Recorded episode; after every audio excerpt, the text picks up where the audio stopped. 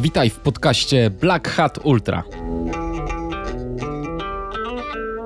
Cały czas biegam na tym samym poziomie. Znaczy cały czas to nie znaczy, że od samego początku, no bo to jakoś ileś czasu trwało, ale powiedzmy, że od 2007-2006 roku, no to ten poziom jest taki między 1,15 w półmaratonie, 1,13 w półmaratonie, tak rocznie, tak potrafię tak powiedz po prostu półmaraton. Ja po prostu lubię biegać, to jest jakby esencja tego wszystkiego, wiesz. Słucham też twoich podcastów i gości i jakby całym takim podejście powinno być takie, że po prostu powinieneś lubić biegać, nie? No bo to jest to jest najważniejsze w tym wszystkim. I wszystko też naokoło to, co robię w swoim życiu, to jest związane z bieganiem. I to jest wspólny mianownik. No biegam, no to robię inne rzeczy też związane z bieganiem. To jest właśnie fajne. To był Piotr Będkowski, organizator imprez biegowych i wyśmienity biegacz. Ja nazywam się Kamil Dąbkowski i witam Was w podcaście Black Hat Ultra. Piotrek od 20 lat żyje bieganiem i żyje z biegania. Jego życiówka w maratonie to zawrotne 2.33.39, ale dziś rozmawiamy głównie o organizacji zawodów biegowych. Piotr zgodził się opowiedzieć o tym, jak od kuchni wygląda taki bieg i co jest konieczne, aby go uruchomić. Robi to od lat, ma na koncie takie imprezy cykliczne jak City Trail i Tri-City Trail, a od 2019 roku razem z Piotrem Książkiewiczem przyjęli pieczę nad organizacją Chudego Wawrzyńca, znanego i lubianego biegu ultra w Beskidzie Żywieckim. Piotr okazał się być mega gościem z ogromnym zapałem do działania i niezmąconą niczym miłością do biegania. Spadek motywacji u niego nie istnieje. Gdy nie pracuje lub nie biega, chodzi na koncerty punkowe. Podobno kiedyś miał długie dredy. Posłuchajcie.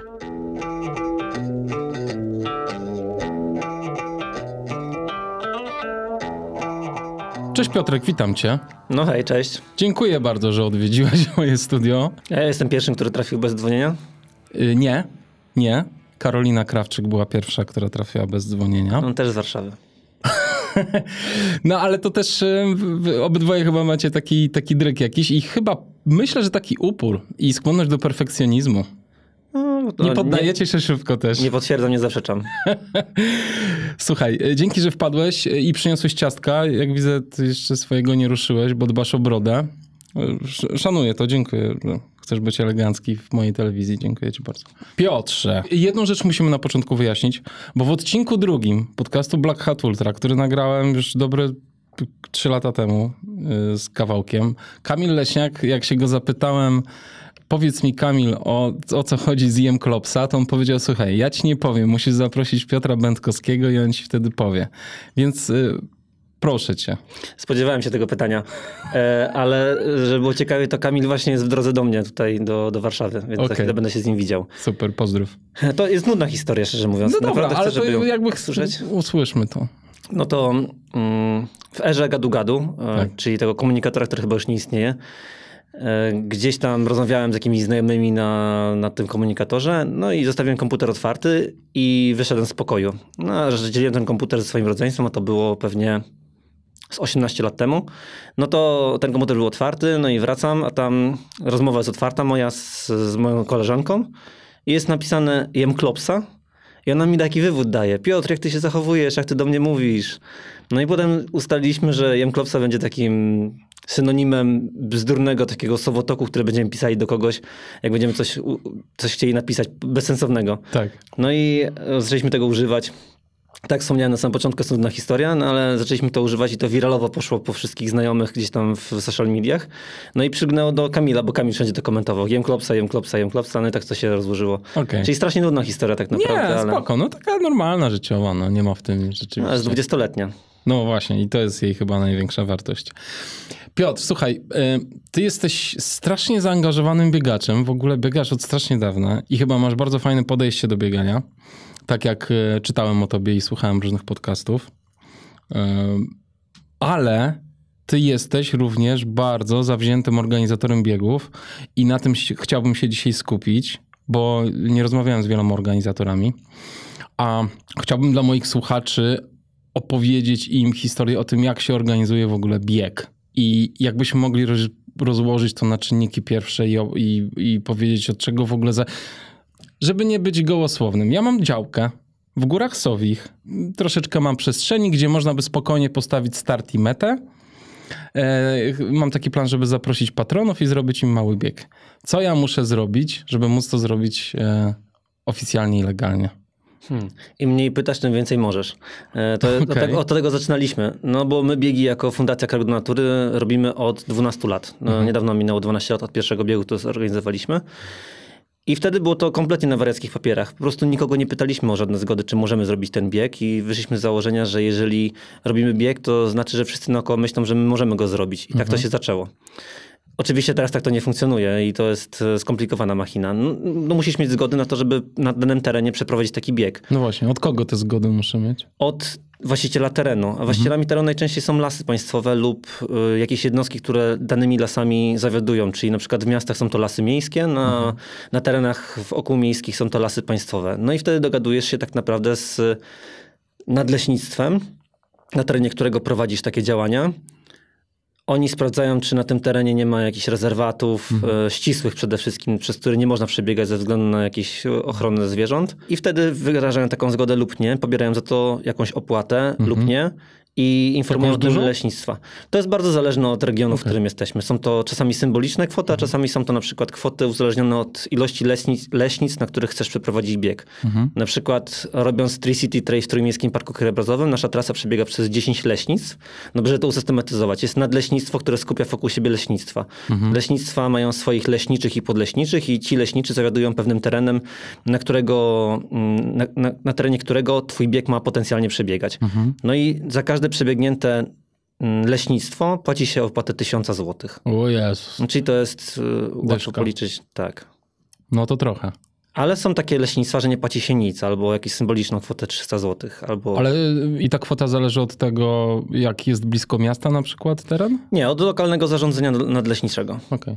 No i teraz jak masz takie pozwolenie, no to już masz bardzo dużo zrobione, bo już mhm. wiesz, czy możesz na tym terenie przebiegać, czy nie. Mhm. E, dajesz do zaaprobowania trasę, którą chcesz e, zrobić, no i wtedy e, możesz zacząć obudowywać ten bieg wszystkimi innymi rzeczami, czyli gdzie ma być zlokalizowany start, gdzie ma być zlokalizowana meta i budować wokół tego wszystko to, co chciałbyś, żeby było dla biegacza atrakcyjne. Jest tego bardzo, bardzo dużo, więc po prostu musisz pytać o konkretne rzeczy, to chętnie ci odpowiem. Tak, tak, zaraz ci powiem, zaraz się zapytam, ale jeszcze mi powiedz, czy z tymi nadleśnictwami czasem miałeś problem, żeby ci zgodę dali? Teraz już robimy biegi na powtarzalnych trasach, więc jest mhm. zdecydowanie łatwiej. No ale na początku wymagało to dogadania się z tymi leśnictwami, gdzie możemy przebiegać, gdzie według nich jest to dobre do zrobienia, według których ich wytycznych na przykład nie możemy tam zrobić. No to mhm. generalnie chodzi o, o rezerwaty. Jeszcze jakiś czas temu było tak, że jeżeli trasa miała przebiegać przez rezerwat, to można taką zgodę było uzyskać, ale trzeba było pisać do Ministerstwa Środowiska. Okay. Ale też nie było to niemożliwe do zrobienia. Mhm. Dużo też zależy od czynniku takiego ludzkiego. Jeżeli już się ma wydeptane jakieś ścieżki, o, wydeptane ścieżki przy organizacji biegu, to całkiem niezłe sformułowanie. Jak już masz wydeptane ścieżki do tego, żeby, żeby dojść do takiego nadleśnictwa, oni ci ufają, wiedzą z kim rozmawiają, to jest zdecydowanie łatwiej. Wtedy są to formalności do zrobienia takie bardzo szybkie. Ale trzeba trzymać się pewnych zasad, które są wytyczone przez nadleśniczych. To są mądrzy ludzie po prostu, dla których mhm. najczęściej najważniejsze jest dbałość po prostu o środowisko, więc to nie jest tak, że rzucają ci o, to też będzie fajne. Kłody pod nogi, jak już jesteśmy przy lesie, tylko po prostu chcą z sobą w jakiś sposób działać. E, dobra, e, to co? Mamy trasę, mamy zgodę.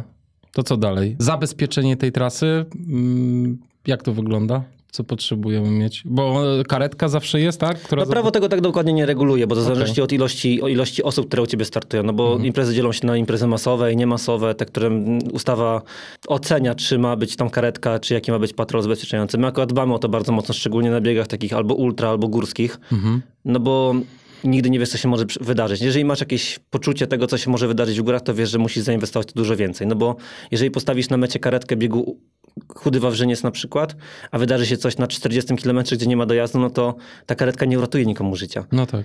My zrobiliśmy w swoim życiu powiedzmy 500 biegów. Mhm. No nie wiem, to jest dosyć dużo raczej, ale... Mm. Bo e, e, liczysz, rozumiem, wszystkie city traile, tak? I i chude Wawrzyńce. tak, chude Wawrzyniec, City Trail, Tri City Trail. Mamy też bieg uliczny w swoim portfolio. Robiliśmy mhm. też jakieś hałtury takie, że robiliśmy jakieś biegi na zlecenia. No Kiedy to... w ogóle pierwszy bieg swój zorganizowałeś? 9 stycznia 2010 roku. Wow. No to już parę lat temu. Wow. No, zmierzam do tego też, tak. że mieliśmy kilka wypadków na trasie, takich, mhm. które mogły skończyć się śmiercią. Ludzie zapadali w śpiączki kilkunastodniowe po zawałach. i ratowali ich ratownicy, którzy byli razem z nami. Potem zwiększyliśmy bezpieczeństwo, wprowadzając po raz pierwszy w Polsce taką akcję, którą sami wymyśliliśmy, to nazywa się Ratownicy na Start, że ludziom, którzy mają uprawnienia, do, uprawnienia medyczne, dajemy pakiety za darmo na nasze biegi. Oni za to dostają taką czerwoną opaskę z napisem Medycyna Start i mają ze sobą taką apteczkę pierwszej pomocy i mogą udzielić pomocy tym, którym się dzieje, co się dzieje na trasie. I powiedzmy, że na takiej trasie City Trailowej, gdzie biegnie 500 osób, 10 takich osób biegnie z takimi e, rzeczami. No to oni wiedzą, jak się Super. zachować, czyli szybko mogą dotrzeć do takich rzeczy. I to nie są wymyślone rzeczy, bo my to widzieliśmy. Ja widziałem, jak um, faceta reanimują, jak go podłączają e, do def- defibrylatora, tak się mówi? Nie wiem, czy powiedziałem dobrze, to Dobrze. wyjdzie potem na, na podcaście to, e, to widziałem, jak po prostu, wiecie, no ma tą klatkę Tak. rozłaną i, i potem dzwoniłem do niego, po iluś dniach się dodzwoniliśmy, to przecież mamy, mamy do tego procedurę, no to są realne rzeczy, które się dzieją, więc inwestycja w to bezpieczeństwo jest bardzo duża. Czyli tam, żeby na kładzie jeździły gdzieś e, nosze, żeby w razie czego można było skoordynować, skoordynować akcję, żeby helikopter przyleciał. To są drogie rzeczy, kosztują kopę kasy, najczęściej się nie zwracają i są niedoceniane przez biegaczy, bo tego nie widać, ale one są gdzieś tam z tyłu i A muszą za to zapłacić w pakiecie. nie? Muszą za to zapłacić w pakiecie. No. Dobra, mm, to mamy bezpieczeństwo na trasie. W jakich sytuacjach trzeba na przykład prosić policję, żeby zabezpieczała trasę? Kiedy trasa przebiega przez jakieś drogi, które są mm, użytku publicznego. Czy to jest jakiś duży koszt dla was? Nie, to bardzo zależy od tego, w jakim miejscu się robi bieg. To znowu zależy od tego, w jakim miejscu jest bieg. Nie ma takiego, takiego czegoś, że masz książkę, którą możesz zajrzeć i powiedzieć, dobra, to jak chcę zamknąć drogę, to idę, dzwonię tu, tu i tu. To rz- rzadko się tak zdarza, że jest jakiś gotowy przepis na to, jak można to zrobić. Są różne drogi do dojścia do tego, jak zorganizować bieg. My unikamy zamykania dróg, bo często wiąże się to z e, organizacją ruchu drogowego, która kosztuje, bo musi zlecić to osobnej firmie, która musi ustawić jakieś znaki, wziąć pod uwagę, czy jedzie tą trasą transport publiczny, ale często jest to po prostu dogadywanie się na słowo po ówczesnym błogosławieństwu proboszcza, starostwa, burmistrza, wójta. I wtedy idziemy do takiego policjanta i on już wie, że tam będziemy i mówi, no to jako czwarty mają przebiec, no to mogą, mogą przebiec i my zamkniemy drogę tutaj, pojedziemy samochodem i będzie wsio. Zdarzało nam się też dzwonić y, do Straży Miejskiej o pomoc. Godzinę przed biegiem przyjeżdżali, nam pomagali, więc to w starych czasach, kiedy nie pytaliśmy o to, czy możemy robić biegi. A było tak rzeczywiście kiedyś, że w ogóle Tak. nie pytaliście? Tak, tak, no robiliśmy tak, no bez, bez pytania. Nie wiedzieliśmy o tym. No tak. Wiesz, nasz pierwszy bieg, to pamiętam, e, rozpisaliśmy sobie na kartce trzy punkty, jakie ma być w budżecie biegu i było było. 1500 zł miał być budżet, mamy tą kartkę jeszcze. No, no. I było napisane tak, tam 500 zł nagrody. Nie wiadomo dlaczego tak wymyśliliśmy. Wysokie, 500 zł, stary, wysokie. 500 zł, a to był za cały cykl. Potem 500 zł były artykuły, które musimy kupić do robienia biegów, czyli na przykład koszulki, żeby wiesz, włożyć, żeby nie zamokły numery startowe, które wydrukujemy na własnej drukarce, którą kupiliśmy za 200 zł z Mediamarktu. A trzecim punktem był alkohol. I wiem, że to brzmi dosyć dziwnie, No. ale to była nasza waluta do płacenia naszym kolegom ze studiów. Okej. Bo mówimy, chodźcie, pomożecie nam zrobić bieg, tam będziecie stali na punkcie, czy coś tam robili, to był bieg na 5 km, więc pokazywali trasę. Nie wiadomo też, dlaczego tak wymyśliliśmy, że na 5 km trzeba pokazywać trasę ludziom, gdzie mają biec, zamiast ją oznaczyć taśmą. I w zamian za to wieczorem wpadniecie do naszego mieszkania studenckiego, no i napijemy się piwa, posortujemy te numery i tak dalej. No i to funkcjonowało przez dłuższy czas. Nie wiem, przez dwa lata chyba tak robiliśmy. Y, niesamowite. A powiedz, a Czyli, czyli patrz, do, dochodzimy jeszcze do tego, No. do tego, że jak możesz zapłacić ludziom za, za pomoc w biegu. E, Na tym się opierał. A co ciekawe, ci ludzie dalej dla nas e, wykonują jakąś pracę już teraz za pieniądze, ale dalej z nami pracują, więc to też jest Super. fajnie, że to, tego się zaczęło. Mamy biegaczy, którzy biegną, jest bezpiecznie, to start i meta. Y, Czy to, tutaj są jakieś rzeczy, które wymagają jakichś specjalnych zgód, albo kogo musisz zatrudnić, żeby to działało? To, to też jest bardzo otwarty temat, no bo można robić to w sposób bardzo minimalistyczny, a można to rozbudować do, do granic typu UTMB, gdzie, gdzie to wszystko w jakiś sposób e, funkcjonuje na takim bardzo wysokim poziomie i pewnie też bardzo drogim. Czyli to też jest zależne od tego, jaki masz e, zasób, zasób swojego portfela. Jeżeli pod e, start i metę też podpiszemy pomiar czasu, no to to jest największy koszt tak naprawdę. No bo trzeba liczyć, że firma pomiarowa zrobi ci pomiar czasu za nie mniej niż 2,5-3 tysiąca złotych. Nie tylko start i meta, tylko również gdzieś jakieś... To też zależy, ile punktów chcesz mieć na trasie, no bo to za każdy punkt musisz płacić, bo to jest dodatkowy, Ludzie dodatkowy sprzęt. sprzęt, sprzęt, y, ludzie, mm, tak jak sam wspomniałeś. My mamy ten sprzęt swój, my go kupiliśmy, hmm. bo wiedzieliśmy, że robiąc tyle biegów, on nam się zwróci. A ile zestawów kupiliście? No tak, że jesteśmy czwartą chyba co do wielkości firmą pomiarową w Polsce. Czyli mogli, moglibyście sami takie usługi pewnie. No ale to tak, ale nie mamy czasu no, na to. Oczywiście. E, I nie chce nam się już wow. potem robić, bo wolimy sami biegać w czasach, kiedy mamy wolne weekendy. A to total. I wam się to, no tak, przy takiej ilości biegów to wam się opłaca. Już nam się zwróciło, tak. Super. No kosztowało setki tysięcy złotych. Wow. Więc to jest taki drogi sprzęt? No, zapłaciliśmy ponad 200 tysięcy na pewno, 200-300 tysięcy zapłaciliśmy wow. za sprzęt i musieliśmy się nauczyć go obsługiwać. Mhm. No ale wiesz, jak mielibyśmy płacić za, nawet jeśli byśmy zbili cenę do, od firmy pomiarowej czasu jakoś bardzo mocno, tak. a robimy 2-4 biegi weekendowo przez 6 miesięcy, tak. no to jeżeli zamiast 2,5 tysiąca złotych wziąłby on nas 2 tysiące za imprezę, to płacilibyśmy 4 tysiące, mhm. no to łatwo policzyć, że w kilka lat nam się po prostu ten sprzęt zwraca. Oczywiście. Nie, nie, no.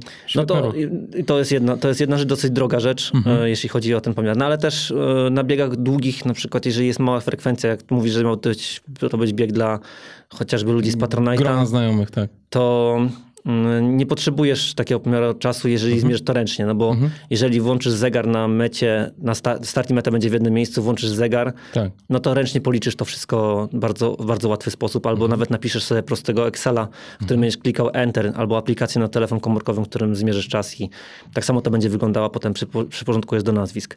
No ale musisz mieć bramę jakąś, która, którą tak. postawisz, to jest dmuchany balon. On kosztuje też około 1,5-2,5 tysiąca złotych, no ale to też możesz pożyczyć od miejscowego Mosiru, Osiru, mhm. czy jakiejś jednostki, która wspiera sport w danym regionie.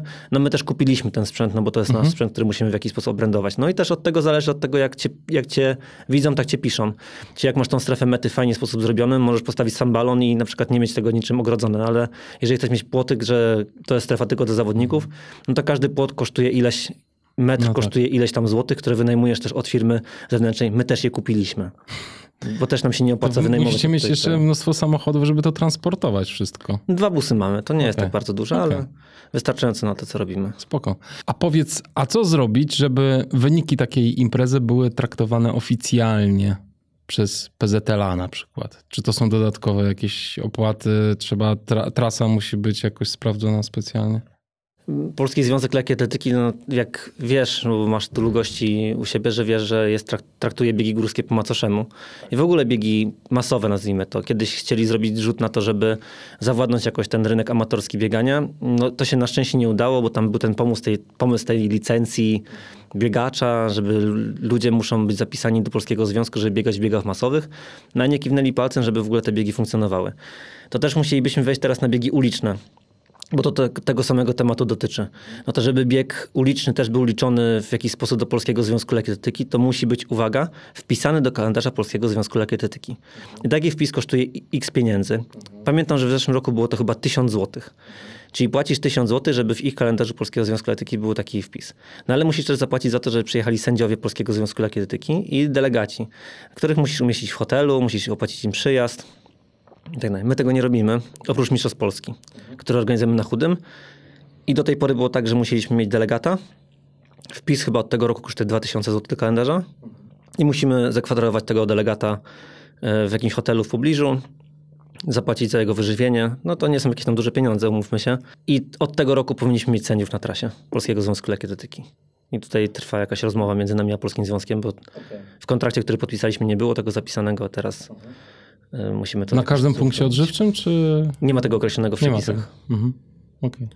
Czyli no trochę... to ciężko sobie wyobrazić, żeby na przykład, no, no wiesz, jak masz stadion lekkoatletyczny, to wiesz, gdzie ci sędziowie mogą stać, co tam mogą obserwować, nie? Ale rola sędziego lekkiej atletyki zdewoluowała się w momencie, kiedy został wprowadzony elektroniczny pomiar czasu. No bo kiedyś mieli takie maszynki, na którym przyciskali przycisk i drukowały się czasy i potem te czasy przypisywano do, do numerów. Pewnie ci, którzy biegają jeszcze ulice, to czasami widzą takich właśnie sędziów, że stoi najczęściej takich kilku panów z brzuchami powyżej jakiegoś tam wieku i tam mają te maszynki. No ale to też pracowaliśmy w firmach pomiarowego, pomiaru czasu. No i na przykład przychodzili i mówią, o fajnie jesteście, to, to my już jesteśmy zarobieni, bo już nie musimy tam się skupiać za bardzo, bo i tak dostaniemy od was wyniki, podpiszemy i będzie wszystko z głowy. Więc trochę się to zdewolowało, no ale są takie przepisy, więc trzeba je spełniać. Ale no nie jest to konieczne, żeby bieg był w Polskim Związku Lekkoatletyki, no bo rekordów polskich nie, ratyfiku, nie, nie ratyfikujemy na biegach górskich. Więc... No tak, ale no okej, okay. ale żeby na przykład, nie wiem, e, taka strona EnduHub wyświetliła wyniki, to potrzebne jest coś Nie. specjalnego? Nie. Nie. Tylko trzeba im wysłać e, informacje. Najczęściej sami pobierają sobie. Sami pobierają. A właśnie, a skąd pobierają? Ze strony tartowej biegu. A, czyli oni wiedzą, że taki bieg się odbywa. I... Dobra.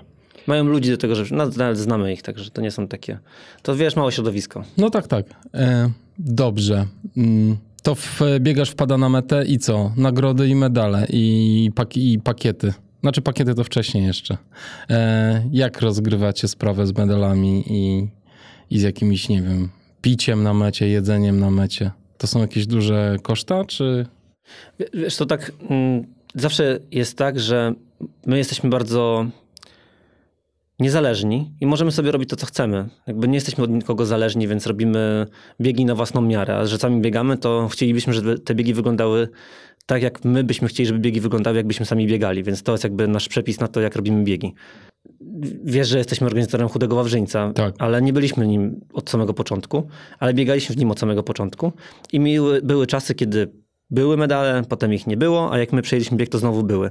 Więc my wiemy, że dla takiego biegacza, który startuje w zawodach, ten medal ma jakąś wartość. No ma. Dla da mnie nie ma. Ale to jest podejście każdego osobne. Jak są medale, to jest ok dla mnie, jak nie ma, to nie ma. Więc zapisując się na bieg, jakby akceptujesz to, co jest na tym biegu albo czego nie ma i i decydujesz się na start. Więc nie oceniasz tego potem narzekając. Oczywiście biegacze porównują biegi do siebie. Czy to są duże koszty, bo zapytałeś o to? To są koszty rynkowe, więc jakby estymacja tych kosztów jest dosyć łatwa do zrobienia. Czyli jeżeli przyjmiemy, że biegacz zje posiłek za kwotę 10 zł, albo powiedzmy wiesz, że kosztuje 15 zł rynkowo, to wiesz, że przy masie to możesz zbić tą cenę do 10, no to mniej więcej to są takie koszty, że musisz liczyć, że to jest 10-15 zł za posiłek. Ten pakiet wygląda tak, jak sobie go zbudujesz i w zależności od tego, jakich partnerów pozyskasz. My raczej nie funkcjonujemy w taki sposób, że mamy jakichś barterowych partnerów, którym przez jakieś dodatkowe rzeczy do pakietu.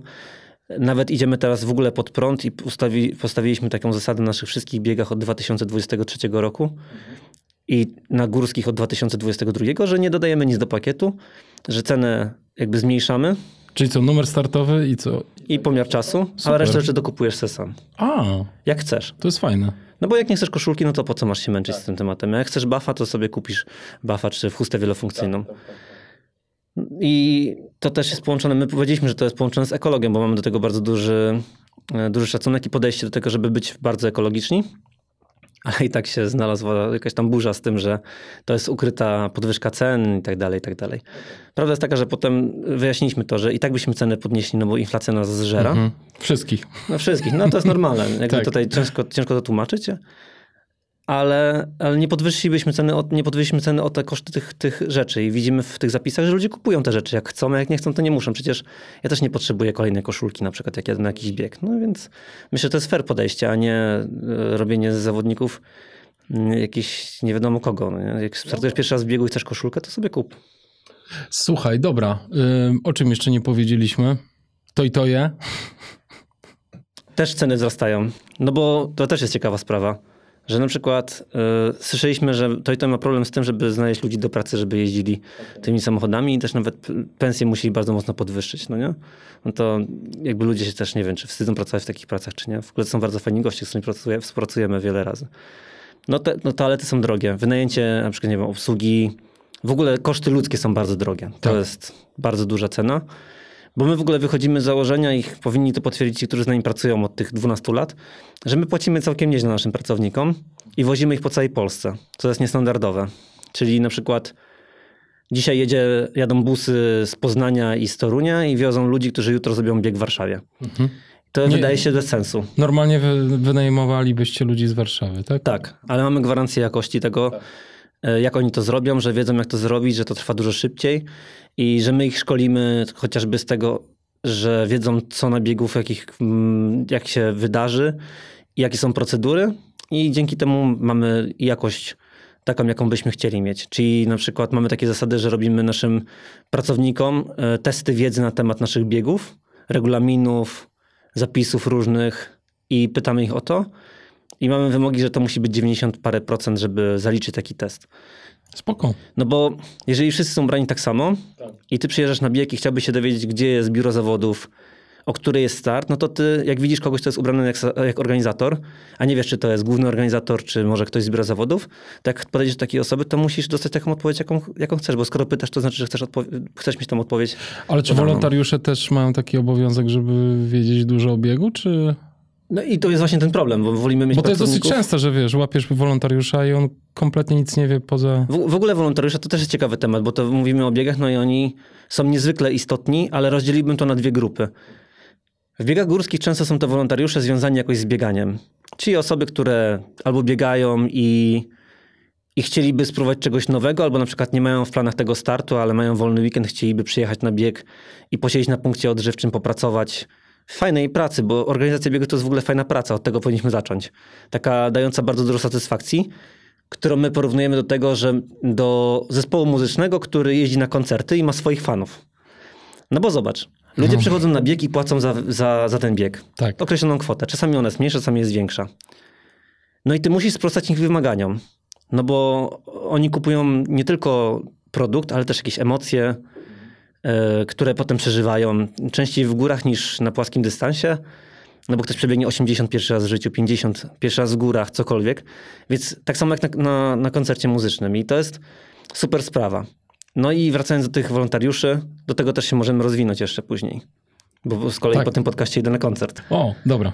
I wolontariusze dzielą się na dwie grupy. Pierwsze to są właśnie ci zaangażowani, często dorośli ludzie, którzy biegają w zawodach biegowych albo kręcą się wokół tego środowiska i my dajemy ogłoszenie, że szukamy takich ludzi, oni przyjeżdżają. To są bardzo fajni ludzie, którzy bardzo pomagają, czują bardzo duże zaangażowanie, mają dużą wiedzę, wiedzą jak wyglądają biegi, więc nie trzeba im tłumaczyć pewnych zasad.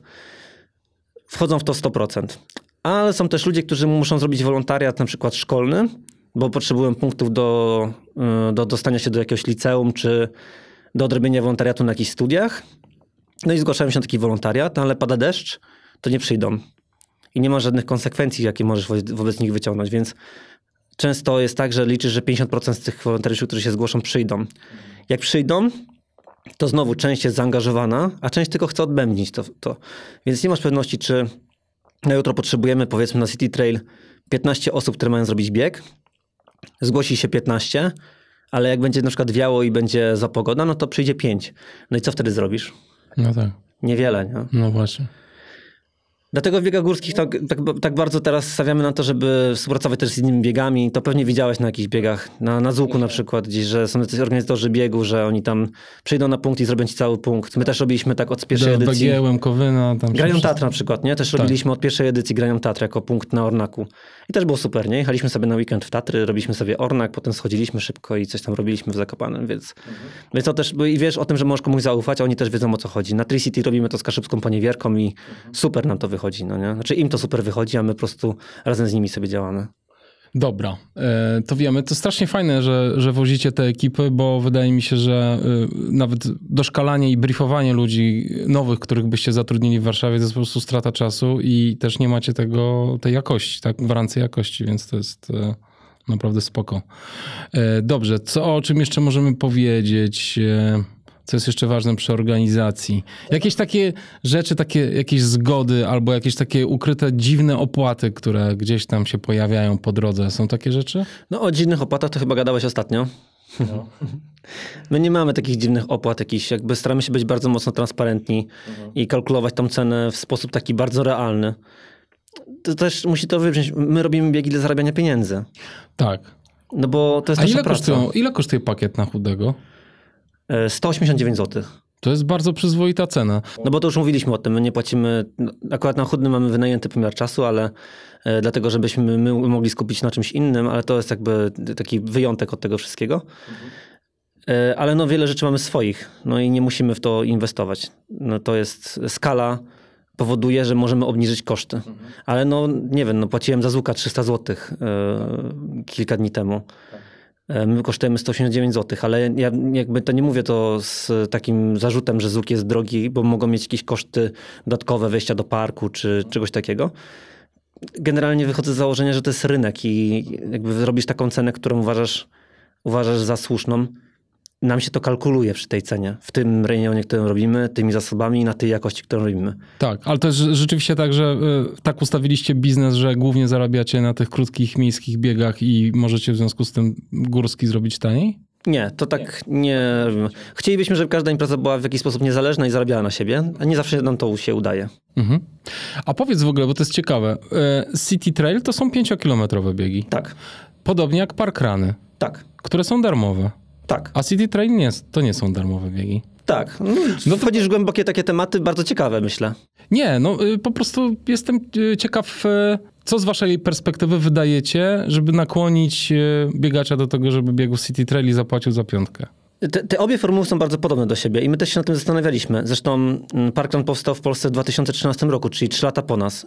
I my na początku zastanawialiśmy się, czy to jest dla nas konkurencja. Nie odkrywaliśmy tego w ten sposób, tylko raczej jako uzupełnienie oferty rynkowej. Bo uwaga, sami też biegamy w parkranach. Yy, I to nie tylko w Polsce, biegaliśmy też za granicą w parkranach. Uważam, że to jest w ogóle super sprawa, bo opiera się na tych samych zasadach, na których my zrobiliśmy biegi. Czyli żeby bieg był powtarzalny na tej samej trasie, e, żeby można było porównać wyniki najpierw akurat w parkranie z tygodnia na tydzień, w naszych biegach z miesiąca na miesiąc, ale my zadaliśmy sobie pytanie, czego my byśmy oczekiwali od biegania, to e, oczekiwalibyśmy tego, żeby był fajny produkt w przystępnej cenie, fajnie opakowany, za, zarządzony jakoś jakościowo, żeby też nie marnował twojego czasu i żebyś wiedział dokładnie czego się spodziewać.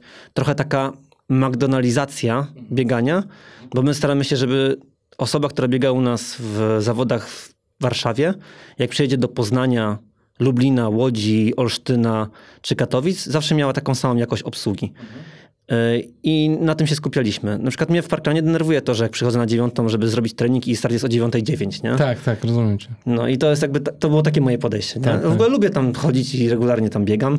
Regularnie tam biegam, to nie wiem, czy tak można powiedzieć, powiedzmy trzy razy w roku. E, Kiedy mam czas, kiedy mam wolny weekend, chcę zrobić trening. Zazwyczaj na Żoliborzu na kempie. A ile u was, a ile u was kosztuje piątka? Jeżeli kupisz pakiet, jest zdecydowanie taniej, a jeżeli chcesz przyjść tak z marszu do, na nasz bieg, to jest 29,90. No spoko. No ale kiedyś, wiesz, zapytałeś się, za ile robiliśmy kiedyś biegi.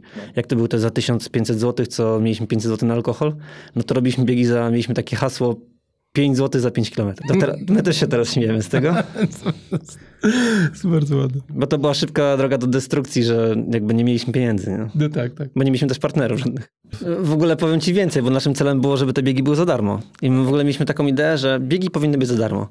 I mówimy, jakby udało się zamówić do tego miasto, wtedy robiliśmy te biegi tylko w Poznaniu, żeby sfinansowali wszystko w 100%, no to super, to niech biegi będą za darmo, nie? Takie mieliśmy podejście do tego, no ale okazało się, że one jest kompletnie nierealne. No i też e, z samego wpisowego nie da się zrobić biegu. Mhm, no To żebyś miał świadomość oczywiście. od razu, że- Tak, tak, tak. tak. Że, że, że to jest jakaś, jakaś mała, mała część tego wszystkiego. Właśnie, to jest ważne, żebyśmy powiedzieli, jak, z, z czego są finansowane biegi, no bo właśnie nie z pakietów, tylko również z waszych y, sponsorskich układów różnych, tak? Jest kilka takich składowych do, do ceny, ceny biegu. No, na pewno opłaty startowe to jest jakaś duża część tego wszystkiego. E, Opłaty partnerów to jest druga część bardzo duża. Są też dotacje, które pojawiają się e, okazjonalnie, mniej okazjonalnie, już bardziej okazjonalnie i to jest kolejna część, która może finansować bieg oraz, oraz dodatkowe rzeczy, które są w oku, no bo na przykład całkiem nieźle działa nam sklep, który, mamy, e, który robimy i też handlujemy różnego rodzaju rzeczami i one też w jakiś sposób są dla nas dochodowe, no bo musimy też zapewnić pensje dla pracowników nie tylko wtedy, kiedy są biegi, ale przez cały rok, więc to też jest dosyć istotne, żeby zapewnić im jakąś pracę i żeby mieć te pieniądze cały czas. Tak. Y, Czy sponsorzy od was wymagają, żebyście właśnie pakowali ulotki do pakietów startowych?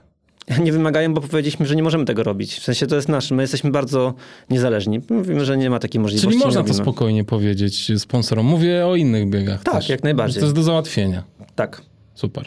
To jest dobra wiadomość. Może, może, to, się, może to się u nas w końcu zmieni.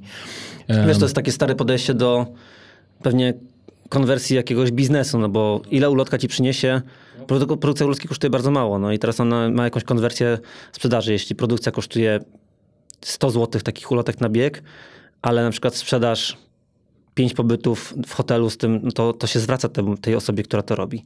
Więc to jest pewne No tak, to prawda. pewne podejście takie biznesowe. No i teraz organizator ma prawo weta w takim momencie. Wtedy traci pewnie jakiegoś partnera albo nie. No my tego nie robimy i my tego nie będziemy robić. A czego wymagają sponsorzy od was? Loga na stronie, Jakość, jakość imprezy. jakości imprezy. Okej. E, Sprawdzają to jakoś? Wysyłają swoich ludzi? Czy... O, Czytają też, komentarze albo sprawdzają, jak ludzie reagują po biegu na bieg. musiałbyś, musiałbyś zapytać jakiegoś partnera, jak to, jak to robią, no ale na, no, o jakości e, imprez świadczą chociażby długotrwałe umowy. Na przykład umowa z National Nederlanden na biegi City Trail, no to jest umowa, która jak skończy się obowiązu- obowiązująca, to będzie 9 lat. To jest dużo. To jest jedna z najdłuższych umów sponsorskich biegów w ogóle wszystkich w Polsce. Salomon 10 lat. Są to 10 lat. Goodfood chyba 6 lat, o ile dobrze pamiętam. Więc to są takie długie współprace, bo zauważ, nie użyłem ani, so, ani razu słowa sponsorzy. Tak. To są partnerzy i musisz pokazać to partnerstwo, to otwartość na to, że ty chcesz coś zrobić i że rozumiesz to, co robisz i że ty sprzedajesz swoją ideę i masz na to jakiś plan. I Ty jak ty to mówisz, to ja już czuję, że ty sprzedałeś mi tę wiesz, ja, ja pracuję w handlu, więc No też wiem, jakby rozumiem tą właśnie. drugą stronę. I jeszcze masz taki wzrok. A czy przychodzą na biegi? No mieliśmy, po- podam ci taki przykład. No. Jeden z naszych partnerów, bardzo dużych, powiedział, że na najbliższym biegu u was pojawi się nasz prezes. I chcielibyśmy, żeby wszystko było wymuskane jak najbardziej. A my mówimy, ale no my nie możemy już nic więcej lepiej zrobić. I to jest jakby autentyczna historia, e, fakt autentyczny, który pojawił się naprawdę. E, I, i e, faktycznie mieliśmy taką sytuację, ale potem ferworze tej, tej organizacji wiesz, że wśród tych 600 osób, które na Seed Trailu stoją przed tobą, a ty jesteś starterem tego biegu, to wiesz, że tam jest gdzieś ten prezes. Ale bieganie jest bardzo demokratyczne. Zauważ, że wiesz, biegnie student, biegnie lekarz, biegnie prawnik, ale biegnie też pracownik produkcji, kierowca autobusu. I nie ma znaczenia, wiesz, kim jest ta osoba. Liczy się przebiegnięcie od punktu A do punktu B. I tak samo jak przychodzą do nas, to my robimy wszystko na maksa swoich możliwości i robimy to, co od nas się wymaga. Więc mieliśmy kontrole zagraniczne tych firm i też wszystko że wypadało dobrze. I to Fajnie. fajnie. No, umawiamy się na coś, to staramy się tego, to, to wypełniać. Partnerzy mierzą tą jakość pewnie w swój sposób, czy na przykład ekwiwalent reklamowy, który otrzymują w, w ramach tego, co my robimy, e, widoczność w social mediach, czy w reklamach, czy w publikacjach radiowych, filmowych, YouTube'owych jest na wysokim poziomie. To jest w ogóle bardzo ciekawy temat, bo moim zdaniem detale świadczą o tym, jak impreza jest odbierana. I jest bardzo dużo małych rzeczy, które świadczą o tym, że coś jest fajnego. To, że na przykład powstanie film po biegu, że y, e, że masz w jakiś sposób spotkanie, nie wiem, z elitą, że e, jest e, relacja live, czy GPS-y, czy na stronie internetowej można zobaczyć, że są wyniki tego, czy są relacje regularne w social mediach, to wszystko świadczy o całości jakości imprezy. I na pewno, wiesz, no ja nie przychodzę tutaj jako alf- alfa i omega mówić, ej, my jesteśmy super i robimy najfajniejsze biegi w Polsce, bo jest pewnie kilka innych osób, które robią to albo lepiej, albo na tym samym poziomie, albo ktoś inny odbiera je w sposób lepszy z tych, którzy biegają, ale biegacze tak się no, biega, no, głosują nogami, więc y, to jest jakby naj, naj, najfajniejsze. Tak, to prawda, ale ten miernik tej jakości, jeśli potem spoglądamy w social media, może się różnić od y, doświadczenia biegacza na biegu, prawda? Że w sensie, że bieg może być świetnie odbierany w, soc- w social mediach, a nie być jakimś super y, wydarzeniem w dniu zawodów. Nie? No to Może często, się tak często się może tak zdarzyć, że się nabierzesz po prostu, że coś jest fajnie zrobione, nie? No bo jest jedno ujęcie z jakiegoś miejsca, które jest atrakcyjne, a potem okazuje się, że bieg jest ekstra nudny i w ogóle, e, nie wiem, punkt nie zdążył na, przyjechać na czas, więc e, opinie ludzi są tak bardzo różne, na podstawie czego oni to oceniają, więc jednemu będzie bardziej pasowało, że na punkcie będzie super żarcie, a drugi powie, że wolałby, żeby coś innego było na tym punkcie, więc... No właśnie, to jest ciekawy moment, bo ty dużo też startowałeś za granicą, przynajmniej trochę. I e, po, e, powiedz, co sądzisz, bo ja może nie jakoś strasznie dużo, ale, ale też kilka biegów zrobiłem i ja mam wrażenie, że w naszym kraju my się mega przykładamy do tych biegów, że nawet wręcz bym powiedział, że mamy lekką spinę na punkcie tego, żeby było super wszystko dopięte na ostatni guzik i organizatorzy się bardzo przejmują w ogóle tym, co ludzie mówią dookoła. E, A ja mam wrażenie, że gdzieś, wiesz, okej, to są małe biegi, na, na których biegam gdzieś, gdzieś za granicą, ale że tam to jest wszystko na taki, na taki luz. I tak w ogóle. O Ja- co, ja może o co to- ci chodzi w ogóle? Ja bym to chyba inaczej ujął. Wiesz, nam zależy na tym, żeby spełnić y, na biegach to, co obiecaliśmy biegaczom. Czyli jeżeli na przykład opublikujemy w komunikacie startowym, że na tym punkcie odżyczy będzie to, to, to i to, no to my musimy stanąć na głowie, żeby to było dla pierwszego i ostatniego biegacza. Jakby na tym nam zależy, nie? Żeby transparentnie ocenić to, co możemy zrobić, pokazać, co będzie faktycznie i żeby ten, kto biegnie na pierwszym i ostatnim miejscu, miał takie same warunki do tego, co, co oferujemy. Jako biegacz no, oceniam to zupełnie w, in, z inny, w inny sposób, nie? Czyli chciałbym, żeby biegacze, organizatorzy byli transparentni wobec mnie, że powiedzieli mi, że mogę oczekiwać tego, tego i tego na tym kilometrze i na tym. Dla mnie to jest ok. Ja akceptuję cenę albo, albo jej nie akceptuję. Jadę albo nie jadę. Nie wiem, czy tak, czy tak jest, jak mówisz, że to są, że my, my mamy, No właśnie, jakie mamy dużą jakość biegów. ty... Może tak, biegi uliczne u nas są na bardzo wysokim poziomie, bo, bo rynek pewnie spowodował, że musieliśmy walczyć o biegacza tego masowego właśnie takim podejściem, e, rozpuszczając go bardzo mocno. Czyli żeby była zawsze koszulka w pakiecie, pełno ulotek i e, tam startuje pewnie taki biegacz, który oczekuje właśnie takiego zadbania. No tutaj e, takim punktem kulminacyjnym to pewnie był Orlen Warsaw Marathon, który dawał po prostu, płaciłeś stówę za start, a dostawałeś w pakiecie coś za 300 zł. To było No to nie ma już tego biegu. dziwne. No nie ma tego biegu. Może właśnie dlatego. Nikt, to nie była prywatna inicjatywa, to też trzeba powiedzieć, że tutaj jakby nikt nie patrzył, na, nie oglądał tej złotówki z dwóch stron, zanim ją wydał.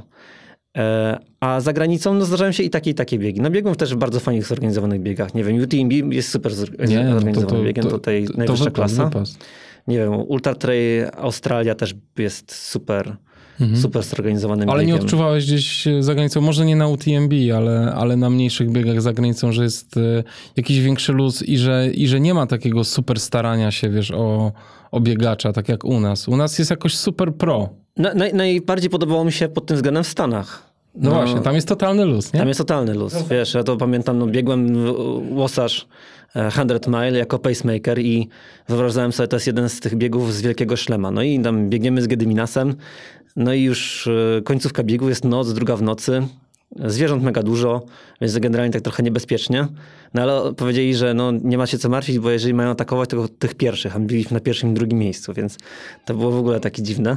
No i ja sobie tak wyobrażałem, że to będzie tak na Western State, wiesz, wbiegamy na metę na jakimś stadionie i jest oświetlone, są kibice, szczególnie czekają na tych pierwszych, bo zazwyczaj jest tak, że wiesz, czekają na tych pierwszych, a potem się wszyscy zmywają do chaty, bo to druga w nocy. No i wypatruję tak z daleka, wiem, że już zostało na tym zegarku tam z półtorej mili do, do mety już powinno być widać albo słychać coś, jakieś głośniki, no ale nic, no i biegniemy dalej, nic nie gadamy ze sobą, bo już byliśmy tak zmęczeni. No i wybiegamy za rogu, patrzę, a tam taki sznurek, wiesz, powieszony między drzewami i siedzi dwóch gości na mecie, otulonych kocami, bo to środek nocy. Mieli lat po 80, bo byli od samego początku organizacji biegu, który organizowany, organizowany był z 40 lat. No i na mecie tylko ekipa Altry, która filmowała, filmowała Gedyminasa na tej trasie, czyli dwóch filmowców i, i na, nasze, nasze rodziny, no nie? I to wiesz, ja mówię, fajnie, nie? przebiegasz tam, ja przebiegłem wtedy 110 kilometrów i mówię, nie ma nic. A w ogóle zaczęło się od, od fajnego takiego akcentu, bo byliśmy na odprawie przed tym biegiem, e, no i ostatni punkt odprawy, stoi tam taki dziadek, też 80 lat, no bo to taki bieg bardzo stary, więc to tak jak my będziemy za 40 lat robili biegi, to będziemy tak samo wyglądali. Wstał i mówi, no to został ostatni punkt odprawy, no i chciałbym wam przedstawić elitę tego biegu. No i wszyscy tak patrzą, no było tam powiedzmy ze 150 osób, no to też takie malutkie biegi. Ja mówi, a nie, przecież my nigdy tego nie robimy. I wszyscy w śmiech, a tam mieli takie gwiazdy biegowe, jak no Gedyminas był, no to Gedyminas niezły. I wszyscy w śmiech i wszyscy się rozeszli. Jakby nieważne jak biegasz, jaki jesteś poziomie, masz takie same szanse na start w zawodach. A była potem Fajne. jakaś taka sytuacja, że y, osoby, które ukończyły na pierwszych trzech miejscach były jakoś zebrane i ktoś im pogratulował? Nie, my siedliśmy, dobiegliśmy, wsiedliśmy w samochód, pojechaliśmy do chaty. Nie? No tak. Potem było tylko po- podsumowanie jakieś było, to nawet nie było podium rozstawionego, tylko dostawało się jakąś tam statuetkę, brawa od tam grona 20 osób i no, No właśnie. Właśnie dlatego mówię, że czasem u nas chyba... Wiesz, ja wrócę do tego, że to jest produkt, no to kupujesz produkt, nie? No, nie oczekujesz takich rzeczy. Trasa była oznaczona co mile był, była wstążka. Wyobraź sobie, to co mile była wstążka oznaczona, to No tak, u jest co kilometr pogubili, 600. tak. Co kilometr 600. Tam biegliśmy w nocy, wiesz, przez nieznane tereny w, na, w okolicach Salt Lake City. No i mieliśmy traki w zegarkach. Dobrze, że tam jest taki, taka funkcja tego pacemakera, którą znasz. No to, to ja biegłem z trakiem z przodu i po prostu prowadziłem, żeby się nie zgubić, nie? No ale tak naprawdę, no to bez traka to tak ciężko byłoby tam po nocach gdzieś błądzić po jakichś lasach w Utah, nie? Więc e, ciekawe doświadczenie. No właśnie. fajne. No właśnie. U Kupujesz nas, produkt, więc u nas jakby- inaczej, inaczej wygląda. A ten bieg nie był drogi? Nie, nie wiem, bo za wiesz. się nie płaciło, więc Okej. ja nie płaciłem kasy Okej, żadnej. okej. Dobra, y, słuchaj, y, ciekaw jestem twojego zdania odnośnie tego, co się dzieje na UTMB, że zmieniło partnera z, na hokej i że Ironman. Jak ty postrzegasz tego typu ruchy? E, Widzę zamieszanie wokół tego, no bo od razu jak pojawiła się informacja, to była jakaś tam, nie wiem czy można nawet to fala hejtu. No ludzie dyskutują na te tematy, Tak. to jest normalna sprawa. Ja, ja w ogóle nie, bo trochę już wyluzowałem z tym tematem, chociaż cały czas bolą mnie negatywne komentarze na temat moich biegów albo moich rzeczy. To jest coś, Czytasz czego... komentarze, tak? I cię czytam. dotykają cię? Dotykają mnie, mhm. ale nie wchodzę w dyskusję już. Mhm. Kiedyś wchodziłem w dyskusję, teraz mhm. już nie wchodzę w dyskusję. Zazwyczaj nie wchodzę w dyskusję, gdzieś tam gadamy w własnym gronie.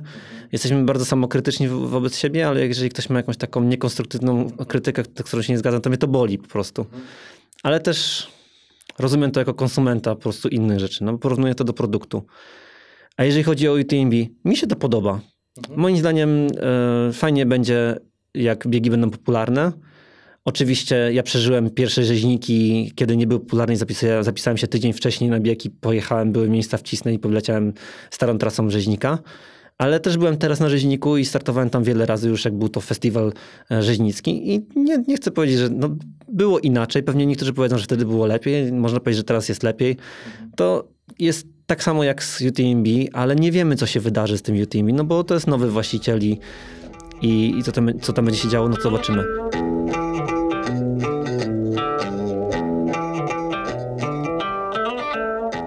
Piotrze, to powiedz jeszcze mi, jak wygląda promowanie biegów i cały marketing, ile osób jest w to zaangażowanych i, i na jakich platformach to robicie?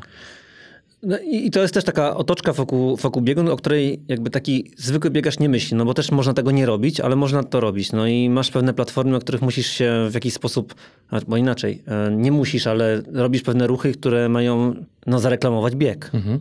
No można robić to na różne sposoby. Mówiliśmy o tych ulotkach, ale no można to robić w digitalu, gdzieś w jakimś internecie. No i my staramy się to robić. Oczywiście najlepszym źródłem reklamy są inni biegacze.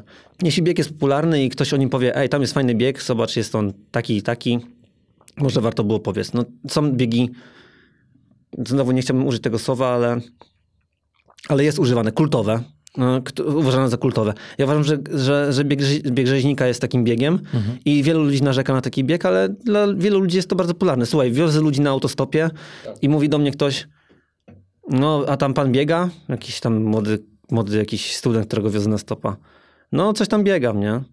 No ale gdzie pan biega? Maratony, jakieś dłuższe? No biegam dłuższe. A w górach pan coś biega? No biegam w górach. A bieg pan bieg, bieg rzeźnika? No i to są takie pytania bardzo regularne, nie? Bardzo popularne i Myślę, że chudy też jest takim biegiem, który jest dosyć popularnym. I jest. gdzieś tam jest no, jakiś the bucket list, no nie? Jest, że tam jest. chciałbyś wystartować. No Myśl, i... Myślę, że Grań Teatr, Zuk, też należą do tej, do tej grupy. Tak, no są to takie stare biegi, które... Ale rzeczywiście rzeźnik to jest y, słowo wytrych, tak? Jeżeli ktokolwiek się chociaż w minimalnym stopniu interesuje, no to zna słowo rzeźnik. To trochę, trochę jak buty sportowe to adidasy. Nie? Tak, Górski tak. to rzeźnik, nie? Dokładnie.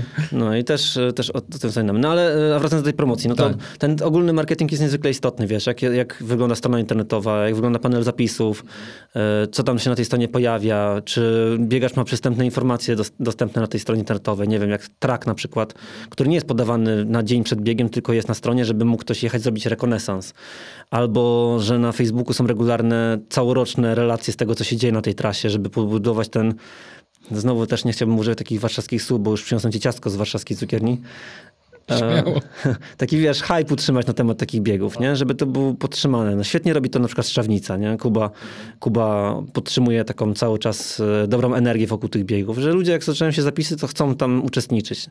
No i my też staramy się to robić. No, tam akurat Justyna jest Grzewaczewska odpowiedzialna za te tematy takie marketingowe, social mediowe, instagramowe.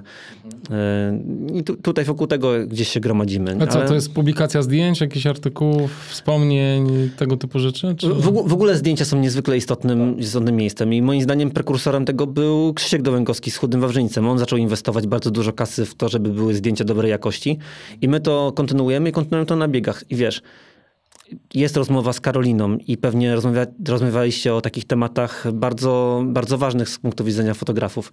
To są ludzie, którzy wydają kupę kasy na sprzęt. Ten sprzęt jest uważany, uważany często, używany często w takich trudnych miejscach, e, używany i zużywany.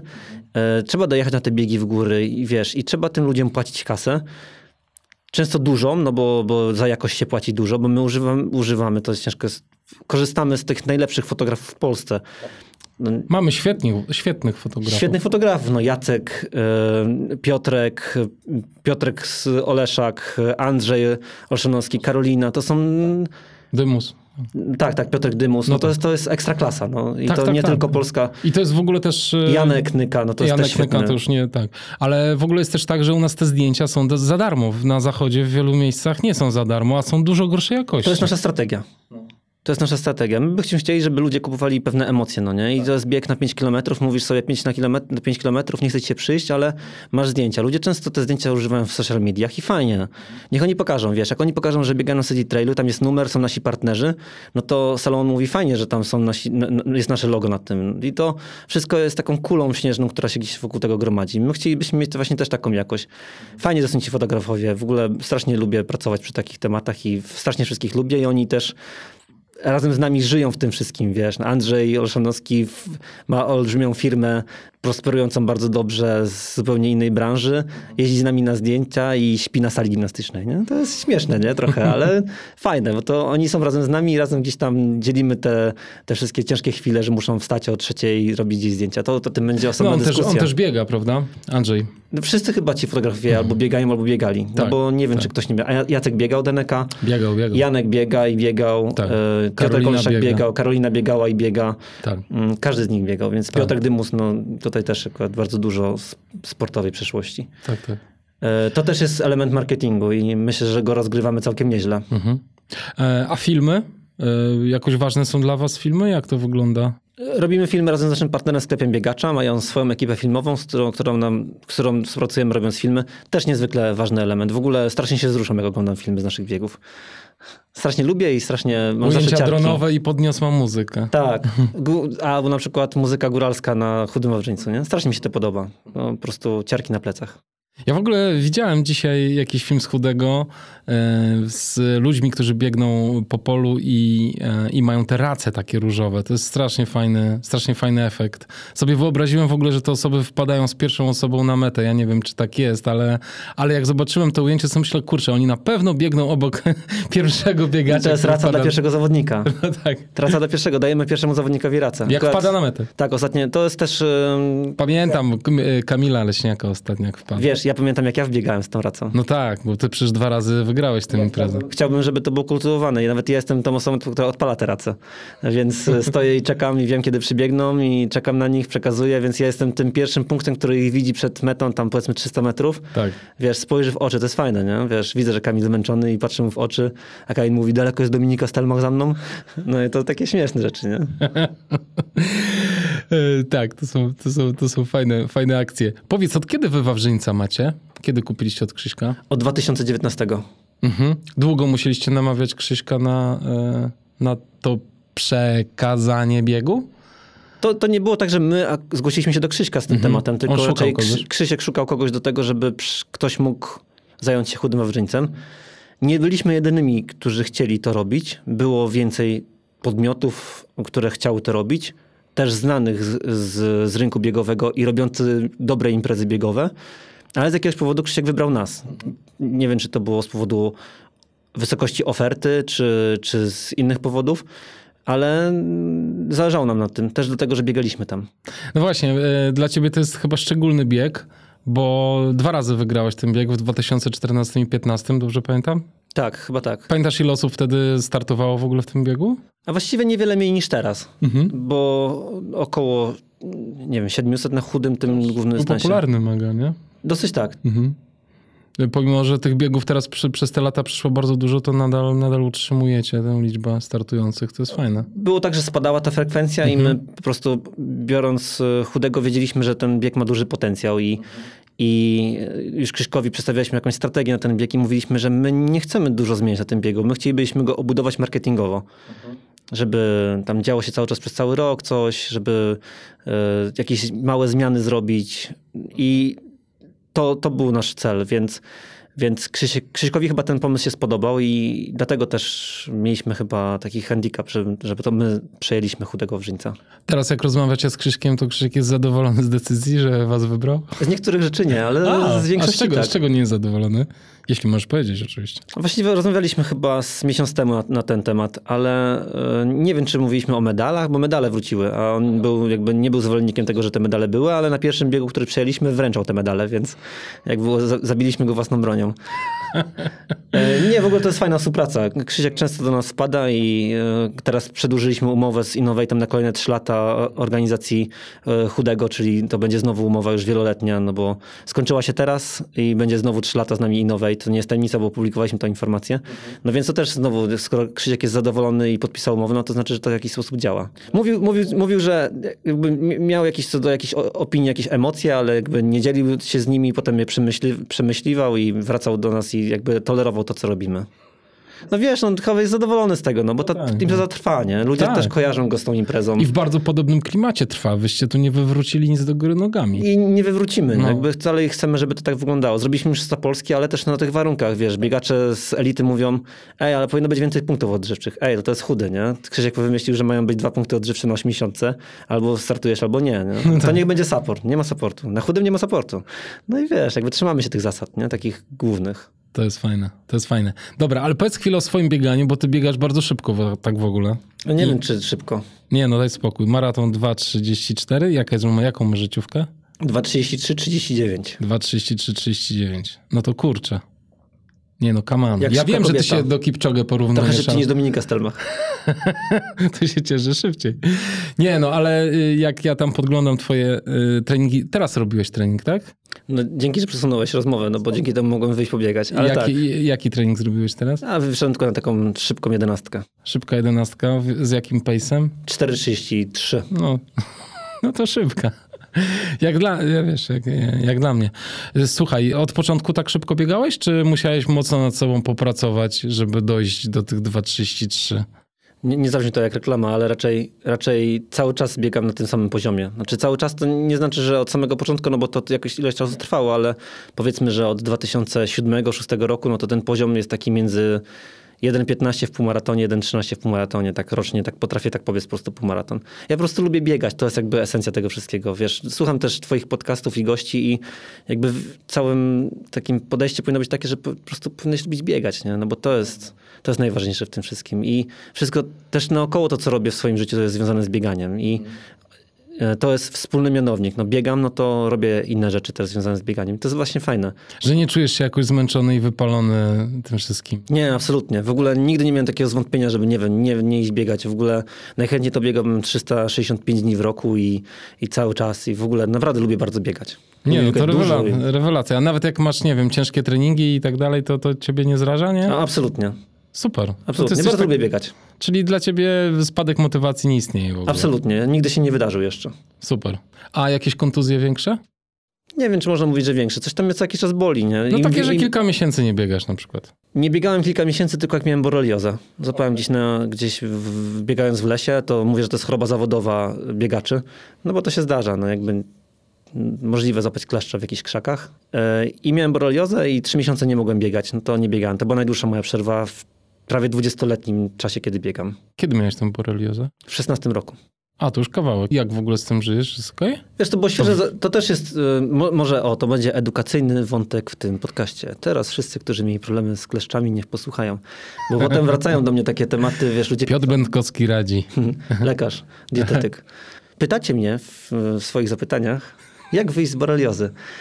Tam co jakiś czas ktoś się odzywa, bo wiedział, że na przykład miałem boreliozę, co można z tym tematem zrobić. To wiesz, nie ma takiego jednego przepisu, ale miałem fajną taką lekarkę, która powiedziała, nie czytaj bzdur, które są w internecie, widzę po wynikach, że to jest świeże zakażenie, e, kuracja antybiotykowa 21 dni i po trzech miesiącach będzie wszystko cacy. I powiedziała, tylko nie czytaj bzdur, nie idź jakieś ziółka, tak dalej. Generalnie medycyna cię wyleczy.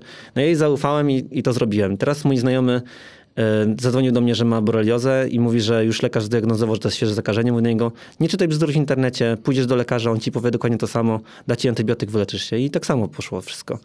To też zależy od tego, jakie masz zakażenie, bo wiesz, jestem mądry, bo miałem świeże zakażenie i łatwo było to wyleczyć, ale jeżeli jest taka długa borelioza, no to jest gorzej.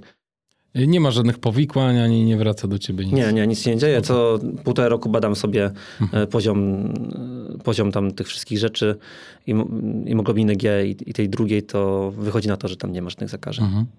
Dobra. Y, mówiliśmy przed podcastem, ale powiedzmy to teraz. Ty biegasz średnio 100 km tygodniowo, tak? Staram się biegać tak około 5,5 tysiąca rocznie. Nie, ty siebie sam trenujesz, czy Tak. miałeś kiedyś trenera? A miałem taki chwilowy epizod e, gdzieś tam na początku studiów. Ale do rekordu w maratonie sam siebie przygotowywałeś. Tak, no bo ten tryb organizatora biegów i pracy też na pełnym etacie jest na tyle trudny, że ciężko byłoby mi się e, dostosować do treningu kogokolwiek, więc wolałem to wziąć w swoje ręce. Tym bardziej, że też jestem absolwentem AWF-u. E, w Poznaniu robiłem licencjat i teraz w Warszawie robię trenerkę, więc też wokół tej lekkiej atletyki. A trenujesz ludzi w ogóle? Nie, nie, nie trenuję ludzi. Ale zamierzasz? Nie wiem, może za jakiś czas, kiedy będę miał czas na to, żeby to robić, to, to może tak. Ja widzę też jakiś tak brak takich trenerów no, w biegach górskich przede wszystkim. Mhm. Jest ich niewielu i, i pewnie tutaj jest jakaś, jakieś miejsce do popisu, żeby wiedzą naukową, do której jestem zwolennikiem mhm. i w ogóle uważam, że dokumenty trenerskie są ważnym elementem w ogóle bycia trenerem. Wiem, że to jest zawód wolny i jakby to są, regulacje prawne są jasne w tym temacie, ale uważam, że na przykład trener, który ma jakąś wiedzę naukową na temat wytrzymałości, jakiejś biochemii, e, biomechaniki, jest trenerem bardziej wartościowym niż, obudowane to wszystko jeszcze doświadczeniem, jest bardziej wartościowy niż osoba, która tego nie ma. No właśnie, chyba głównie to doświadczenie w prowadzeniu ludzi. Mi się tak wydaje, że kurczę, jesteśmy tak różnymi ciałami y, wszyscy, że potrzeba jest tego doświadczenia i konfrontacji tej wiedzy z, z, ze stanem faktycznym, nie? Ja to porównuję trochę z tym, jak pieczesz ciasto, nie? Masz przepis na sernik, wygooglujesz w ciągu trzech sekund i można go zrobić, ale y, zrobi go pięć osób na tym samym przepisie i będzie smakował inaczej. Mhm. I musisz ten przepis jakoś w jakiś sposób korygować, żeby on trafił do twoich gustów. I tak samo jest z, z bieganiem, że jeżeli można było to łatwo przystawić do każdego zawodnika, no to można było publikować trening rekordzisty świata i rób i zrobisz też rekord świata. No tak nie działa, nie? To jest ciekawe zagadnienie. W ogóle no, ludzkie ciało jest ciekawe. Też tak. rozmawiałeś z wieloma, z wieloma osobami, które mówiły wiele rzeczy ciekawych na temat... Wiele ciekawych, ale y, właśnie y, po tych wszystkich rozmowach ja mam takie y, odczucie, że kurczę, każdy to robi inaczej. No bo Wiesz, tak jest, no, każdy robi inaczej. No. Każdy to robi inaczej. E, słuchaj, a gdybyś ty miał poradzić e, osobie, która mówi, chce zacząć biegać w górach, to co byś jej powiedział, że od czego ma zacząć? Od biegania w górach. po prostu? Nie no, żeby się bawić tym bieganiem, to wiesz, no to mhm. jaki, jaki ma cel, co chce osiągnąć. No jeżeli chce biegać w górach tylko, żeby biegać, no to jakby nie wie przeszkód ku temu, żeby biegała w górach. No po prostu idź i Ale nie, w górach. Po, powiedzmy, że po prostu jest, e, jest to osoba z nadwagą, która wstaje i zaczyna w ogóle aktywność, na przykład fizyczną, ale jej się podoba bieganie. I co wtedy? Jak, co byś doradził? To wiesz, nie ma, nie ma e, łatwiejszego, łatwiejszej porady niż powiedzenie, no systematyka e, treningowa. Jeżeli ktoś... Ale z trenerem, czy... Nie, niekoniecznie, bo mhm. w ogóle ja uważam, że y, polscy biegacze, no może nawet nie górscy, ale ogólnie chorują na to, szczególnie mężczyźni, to jest w ogóle dosyć ciekawe, na to, że mają bardzo wysokie mniemanie do tego, że są biegaczami. Wiesz, najczęściej biegają 2-3 razy w tygodniu po 10 kilometrów i uważają, że to już w ogóle jest fajne i ekstra i że oni trenują bieganie i że mogą zjeść mega dużo, nie? No ale podczas takiego biegania 3 razy w tygodniu przebiegną 30 kilometrów, spalą 1200 kalorii, ale nagradzają się 3000 kalorii, nie? To jest w ogóle mega śmieszne, no nie? I nie zauważyłem takiego, to no I to, to jest w ogóle taki, taki, taki obrazek dosyć ciekawy, że często widzę na przykład Dlaczego faceta ty? z dużym brzuszkiem biegającego i on mówi na przykład, że no ale on biega regularnie, nie? trzy razy w tygodniu albo dwa razy w tygodniu i że dlaczego on nie, nie, nie chudnie. E, ale te, też ja mam w ogóle takie podejście do biegania, wiesz, nie każdy musi biegać pro i w ogóle ścigać się, tylko biegajmy. W ogóle długo dochodziliśmy jako środowisko do tego, żeby mieć takich biegaczy, którzy będą sobie biegali. A w ogóle jako środowisko górskie długo dochodziliśmy do tego, żeby stworzyły się imprezy jak festiwal rzeźnika. Wiesz, kiedyś był taki bieg rzeźnika, gdzie przyjeżdżali sami pasjonaci i w ogóle y, to był taki bieg zarezerwowany dla tych, którzy potrafią biegać po górach i taki biega tajemniczy. Teraz jest festiwal, niektórzy mówią, o, to już się zrobił festiwal, beznadziejnie, bo stracił atmosferę. No ale kurczę, no kiedyś też biegi uliczne były takie, że znało się wszystkich na tych biegach ulicznych. Startowało 100 osób czy 200 i naprawdę wszyscy się znali, a potem to się rozrosło i ci, którzy biegali wtedy też mówią, o, teraz te biegi są takie anonimowe. Ale właśnie o to chodzi, wiesz, rozwój środowiska, rozwój w ogóle społeczeństwa oceniany jest też na podstawie tego, czy robimy te rzeczy, które są nam niepotrzebne, czyli właśnie aktywność sportową. Mhm. To jest super, wiesz, jechałeś kiedyś za granicę, widziałeś, że nad jeziorem w centrum miejscowości biegają wszyscy. I teraz jest to samo w Polsce, nie? To jest w ogóle przełom, nie? 15-20 lat to, co się wydarzyło, to jest w ogóle to jest. tego. Też chciałem się ciebie spytać, jak ty, jak ty postrzegasz ten rozwój y, trailu w Polsce i czy dla ciebie wszystkie objawy tego rozwoju są ok? Czy coś ci się nie podoba? Oceniam go z perspektywy i organizatora, i biegacza. Mi się, mi się on podoba. Nie, ja znajduję w tych biegach to co, to, co mi się podoba. Jeżeli bieg mi się nie podoba, to nie startuję w nim. W ogóle uważam, że, że popularność biegów jest potrzebna i dla zawodników, i dla, dla organizatorów, więc ja nie widzę takich zagrożeń, które mogłyby z tego wynikać. Mhm. Ja wiem, że to może nie jest popularne jakaś. No pewnie są Nie. tacy, którzy mówią, że ja tam wolę... Nie, że... mi- się wydaje, że ludzie są bardzo podzieleni. W sensie jest, jest cała masa biegaczy, którzy ciągle mają, y, wspominają pierwsze edycje rzeźnika i którzy uważają, że bieganie po górach powinno być y, małe, ciche i zamknięte, wiesz, dla y, świrów biegowych. E, A są też tacy, którzy uważają tak, że, że uwiel- podoba im się to, że się właśnie UTMB rozwija, że u nas jest dużo biegów do wyboru i tak dalej. Ja to trochę porównuję do dwóch y, podobnych konkurencji biegowych albo dyscyplin, nie wiem, czy można tak powiedzieć nawet o tych, o tych rzeczach. Czyli Adventure Races. Zobacz, one się zawinęły, nie? Tak, nie, nie istnieją, nie? Też każdy, ja oglądałem w telewizji to wszystko, nie? I wiesz, na tym, wiesz, tych, ci zawodnicy są dla mnie cały czas legendami, nie? To są kosmici. Tak, w ogóle My to w ultra to tam możemy... Magda, Magda Łączak to nie wiem, to Tak. ona jest w ogóle nie, nie, nie, zła, nie zła babka. No, E, teraz znowu biega wspaniale. Widziałem, widziałem. Pozdrawiam Magdę. Pozdrawiamy. Mam nadzieję, że będzie słuchała. Zobaczymy, czy, skontrolujemy, czy będzie słuchała. E, ale też na przykład biegi na orientację. E, ja w ogóle zajarałem się bieganiem od biegów, od biegów e, na orientację. Bo ja byłem w harcerstwie i chodziliśmy tam po lasach z mapami, nie? takie survivalowe harcerstwo. Pojawiły się jakieś tam biegi na orientację, najpierw w szkole, bo mój nauczyciel był zapalonym orientalistą i robił nam biegi e, na orientację, mi się to strasznie podobało, no ale dalej byłem tym harcerzem, więc potem jak były jakieś biegi, to zacząłem biegać w takich prostych biegach, wiesz, miałem tam 14 lat, no nie, no to tam nic skomplikowanego. Ale pamiętam, że ja przynosiłem do domu ze szkoły na dyskietce strony zgrane z harpaganem, nie?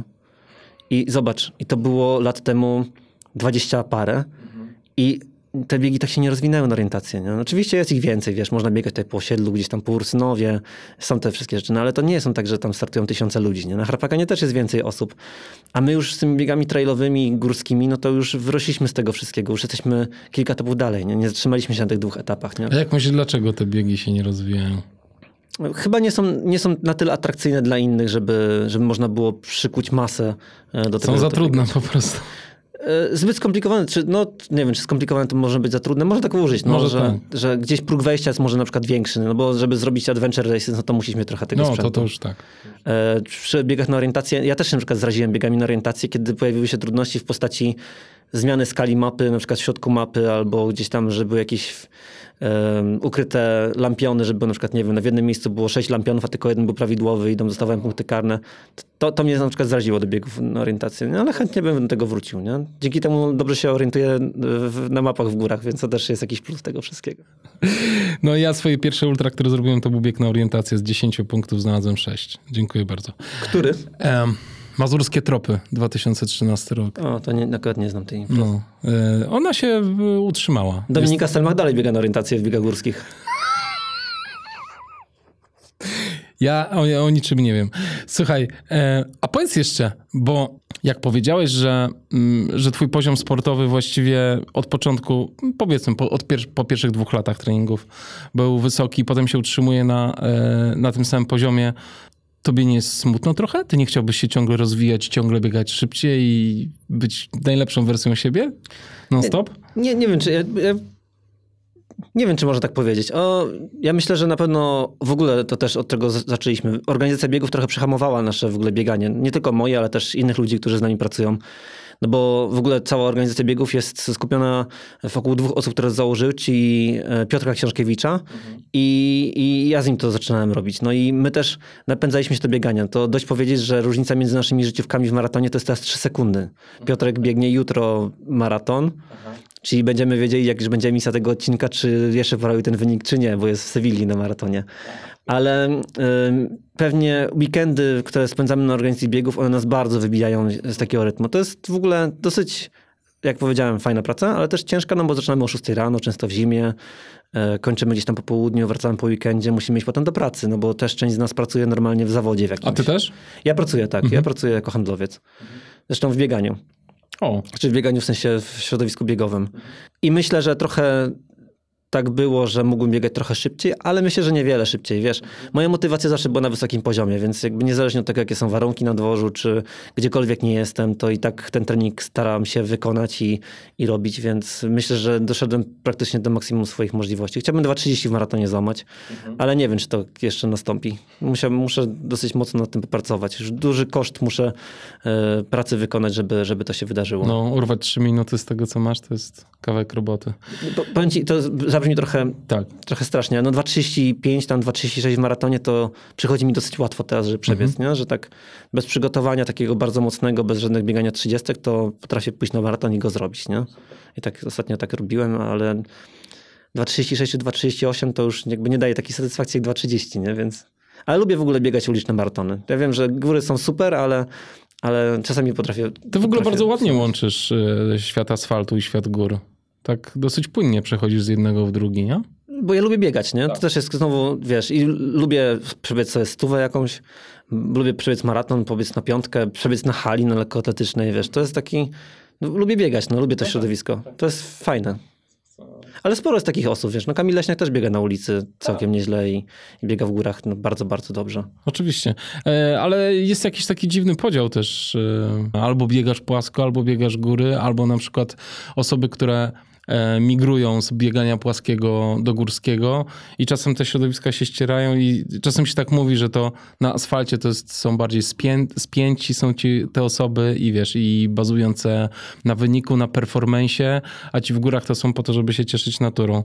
E, Co ty myślisz o takim podejściu? E, Znam środowiska oba bardzo dobrze. Znam wszystkich najlepszych polskich biegaczy i biegaczki maratonki osobiście e, bardzo dobrze. Mam z nimi kontakt regularny z racji też pracy, którą wykonuję. I znam prawie całe środowisko górskie. To są dwa różne środowiska, to jest jasna sprawa.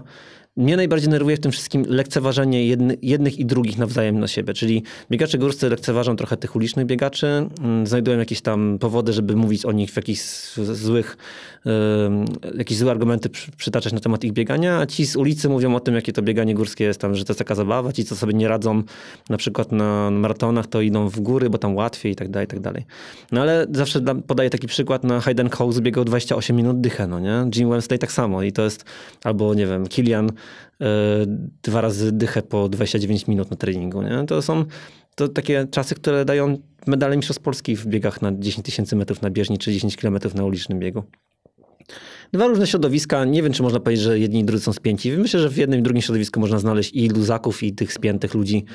E, Pewnie trochę bardziej profesjonalnie wygląda to bieganie uliczne, tak mogę to nazwać, no bo jest też starsze i dłu- dłużej funkcjonuje na, na rynku biegowym, a to biega, bieganie górskie się zaczyna profe, profesjonalizować od jakiegoś czasu. No, na palcach jednej ręki pewnie można wymienić tych, którzy żyją tylko z biegania, a część biega tylko z biegania, plus jeszcze jakiś, e, nie wiem, trenuje ludzi i tak dalej, i tak dalej, więc no nie ma tego profesjonalizmu tak bardzo dużo. No Bartek, Bartek Przedwojewski, pewnie Marcin Świerc, to są takie naj, najjaśniejsze postacie, które biegają zawodowo, no ale już tych dobrych biegaczy, no, e, Marcin Kubica, no to jest też profesjonalista, e, Rzeszutko Marcin jest super, super biegaczem, ale też pracuje w szkole, czyli też muszą sobie jakoś, no nie ma tam takich dużych pieniędzy, no czasami się zdarzy 100 tysięcy złotych z krynicy, a tak to takie jednostkowe przypadki. Tak, to jest trochę tak, że jak ktoś chce szukać podziałów, to je znajdzie. Wiesz, ja ostatnio usłyszałem o- opinię mm, osoby, która biega e, biegi krótkie, że, że, że te ultra to w ogóle to jest przereklamowane, że ludzie się tym interesują. Także to... Bieganie jest demokratyczne, wiesz, mówiliśmy o tym, nie? Ono Tak. należy do wszystkich, tak? Jakby nie musisz startować w zawodach, możesz sobie biegać sam, możesz biegać w górach, możesz biegać, no po prostu jak ktoś lubi biegać, to Dokładnie. po prostu będzie... Ja jestem trochę jak kośnia kamysz, wiesz, taki konsulencyjny, tak wiesz. wszy- wszystkich- Ale bardzo dobrze. Właśnie, właśnie ty, jesteś strasznie fajnym typem właśnie takiego gościa, który po prostu lubi biegać. I do No, widzenia. Po prostu lubię biegać, ale wiesz, też w organizacji biegu to się też przejawia, wiesz. My robimy Mistrzostwa Polski, nie? Ja bym chciał, żeby tam były duże nagrody finansowe i my je finansujemy z własnej kieszeni, wiesz. No jeżeli organizacja biegów należy do dwóch osób, do mnie i do Piotrka, czyli na przykład jak damy pulę nagród 10 tysięcy złotych, to znaczy, że 5 tysięcy jest moja, 5 tysięcy jest Piotrka, nie? I musimy ten zysk jakoś zrobić, żeby dać komuś innemu, nie? I nie chcemy, żeby na przykład było tak, że chudy będzie mistrzostwami Polski, z czego jesteśmy w oczywiście bardzo dumni, e, ale chcemy, żeby to było, wiesz, jakby nagrodzenie tych najlepszych, ale żeby nie przyśmiło tych, że ci, którzy biegają dalej, będą nie nagrodzeni tak samo. Czyli są mistrzostwa Polski, ale są też inni i fajnie, że biegają najlepsi, ale też chcielibyśmy, żeby z tym ostatnim przycis- przycisnąć sobie rękę na mecie. To jest fajne, bo każdy jest fajny w tym bieganiu. Mi się zawsze to podobało, że taki, mm, takie hasło, wiesz, mój rekord życiowy jest moim rekordem świata. To tak, wiesz, takie wyniosłe bardzo, no ale od początku kiedyś to usłyszeliśmy na zajęciach, na studiach z Piotrkiem na AWS-ie w Poznaniu i to zostało razem z nami. I to często mówimy przez mikrofon na naszych biegach. Mhm. To fajne podejście, absolutnie. E, Słuchaj, mam jeszcze pytanie do ciebie na koniec. Jaki jest twój cel, twoja misja jako organizatora zawodów? Masz jakiś taki duży cel w głowie, jak y, myślisz o sobie jako organizatorze? Robisz to po coś, na czymś ci zależy specjalnie? Wiesz, no, zastanawiałem się o tym, nad tym ostatnio, tylko że nie patrzyłem tego, na to z pryzmatu, nie wiem, czy to jest mój cel, czy nie mój cel. E, mhm. Tylko, że są osoby, które, które odcisnęły jakieś, jakieś e, piętno na bieganiu trailowym, czy przełajowym, czy górskim. Nie wiem, Krzysiek Dołęgowski, nie? Wiesz, jakby Krzysiek, jak się z nim spotykasz, to on nie ma świadomości tego, co zrobił dla biegania górskiego w Polsce, no nie? I jakby jak spotykasz się z takimi osobami, pijesz piwo, e, czy gdzieś tam biegasz, no to nie masz wrażenia, że biegasz z legendą polskich biegów, albo nie wiem, z Krzychem Zemkowyny, albo z Kubą, albo kimkolwiek, albo z Mirkiem, że oni coś zrobili dla rynku. I oni też o sobie tak nie myślą, nie? Raczej tak, to będzie tak, po, że... Po prostu robili to, co czują, nie? To też znowu zabrzmi to bardzo tak buńczucznie, że to historia nas oceni, nie? Ale no wiesz, jak myślę, że sporo osób y, przez City Traile trafiło do biegania górskiego, że przez nas się dowiedziało, że takie coś jest, nie? I to jest fajne, nie? Że ktoś tam powie, o moim pierwszym biegiem był chudy, moim pierwszym biegiem było Tri City, moim pierwszym biegiem było City Trail, albo że widzimy, że gdzieś tam się ci zawodnicy. Nawet tacy juniorscy, którzy biegali w zawodach biegów dzieci, a teraz startują w Mistrzostwach Europy, na przykład w przełajach. Nie? No to jest fajne, jak tak widzimy. Nie? Albo, nie wiem, Michał Rozmysł biegał u nas City Traila we Wrocławiu, a wczoraj biegał z biegu, którym padł rekord świata na 1500 metrów na hali. Nie? I mówimy, ten, ten ziomek u nas biegał. No nie? I wiesz, znamy go i tam widzieliśmy, że, że to, to, to jest akurat fajne, że ludzie się rozwijają z tym. Nie wiem, czy to można powiedzieć, że to jest jakaś nasza misja czy cel. Mhm. E, my chcielibyśmy robić fajne, fajne imprezy biegowe dla całych rodzin.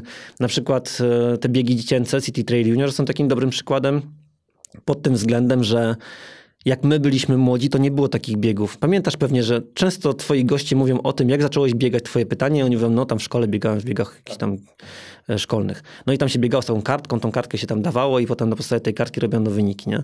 I my jak zaczęliśmy robić biegi dziecięce, to mówimy, no way, no nigdy nie zrobimy takich biegów, tylko zrobimy tak, żeby te dzieci od samego początku myślały, że startują w zawodach biegowych i mamy do tego swoje e, jakieś tam pomysły, żeby miały numer startowy przyklejony, a nie kartkę w ręku i żeby to wyglądało jak takie zawody od naj, najmłodszego.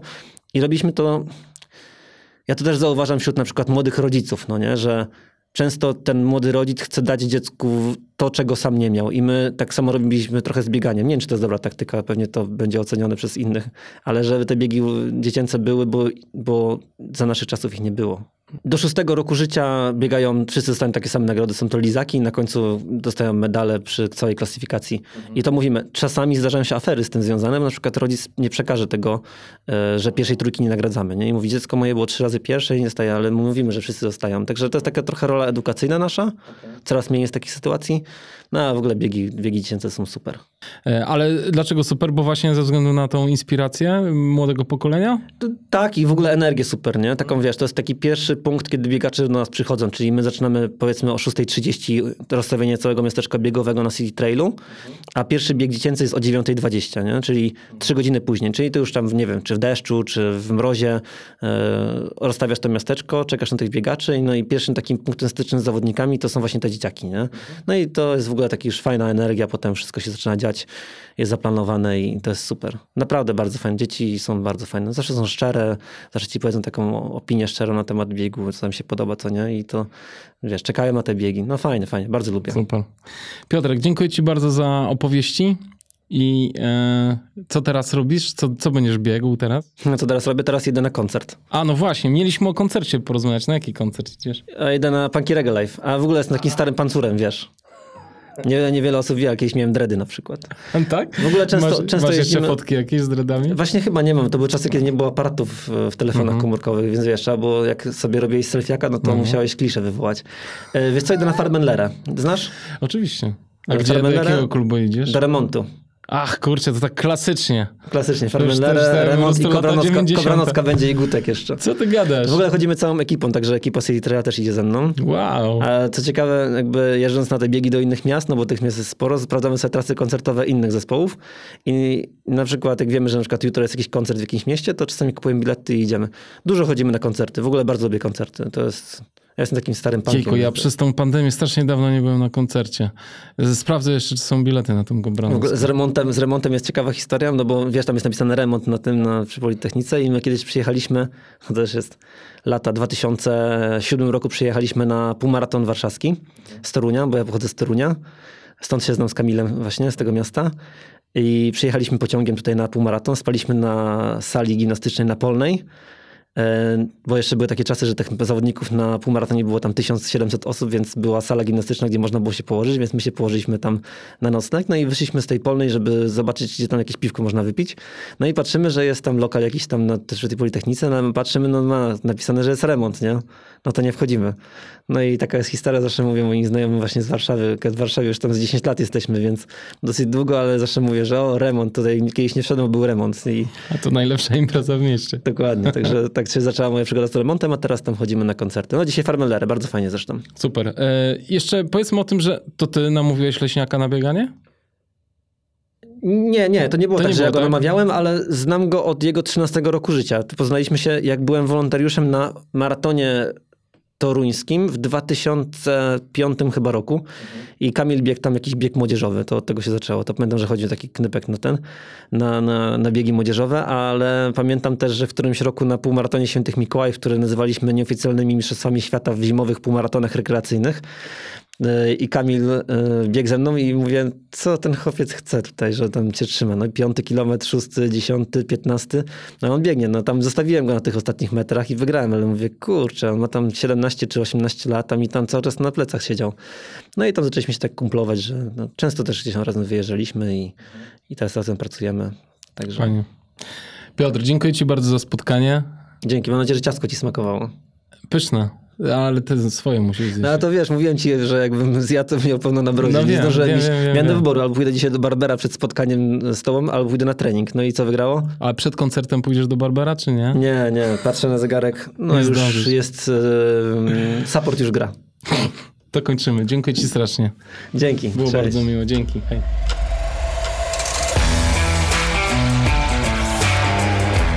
Dzięki serdeczne, że wysłuchaliście ten podcast do końca.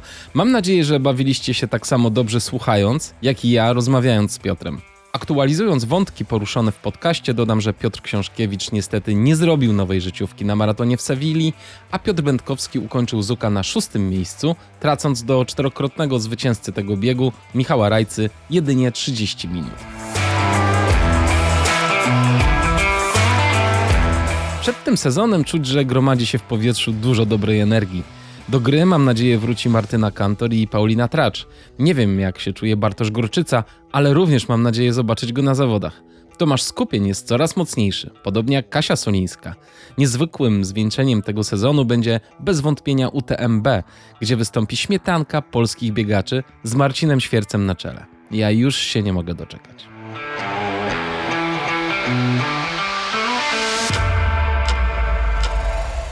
Podcast ten już by nie istniał, gdyby nie zaangażowanie i wpłaty patronów. Dziękuję za to bardzo, bardzo gorąco. Dzisiaj trochę przewrotnie wymienię nazwiska osób, które dopiero co dołączyły do grona patronów. Do tych osób należą Adam Czajkowski, Przemysław Iwanek, Beata Łopatkiewicz, Tomasz Żmijewski, Artur Wrubel, Dawid Sobolak, Filip Ślęczek, Dominik Marzec, Anna Kopydłowska, Michał Grabowiecki, Ewa Czerepaniak, Ilona Hibner, Przemek Syga, Michał Frączek, Łukasz Garus, Kamil Sowiński i Wojciech Łopian. Jeszcze raz dziękuję serdecznie za to, że widzicie sens we wspieraniu finansowo treści, do których i tak mielibyście dostęp za darmo. Bardzo serdecznie Wam za to dziękuję. Ten odcinek podcastu Black Hat Ultra przygotowali Kamil Dąbkowski, prowadzenie i montaż oraz Piotr Krzysztof Pietrzak. Realizacja studyjna, transkrypcje i media społecznościowe, a autorem muzyki jest Audio Dealer.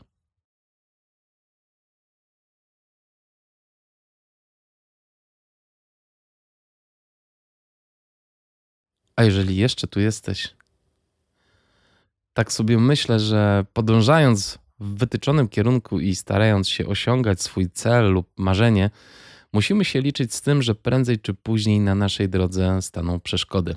Jest niesamowicie kuszące, aby poddać się tym przeszkodom, żeby pozwolić im się owładnąć. Powoduje to powstanie niepotrzebnych napięć w ciele i w umyśle, które bardzo często uniemożliwiają nam pozostanie na ścieżce do osiągnięcia tego celu. Tymczasem jest to okazja do tego, aby lepiej zrozumieć, że tego typu sytuacje są częścią naszej podróży, że nie pojawiają się znikąd, ale że pojawiły się, bo zdecydowaliśmy się wejść na ścieżkę samodoskonalenia.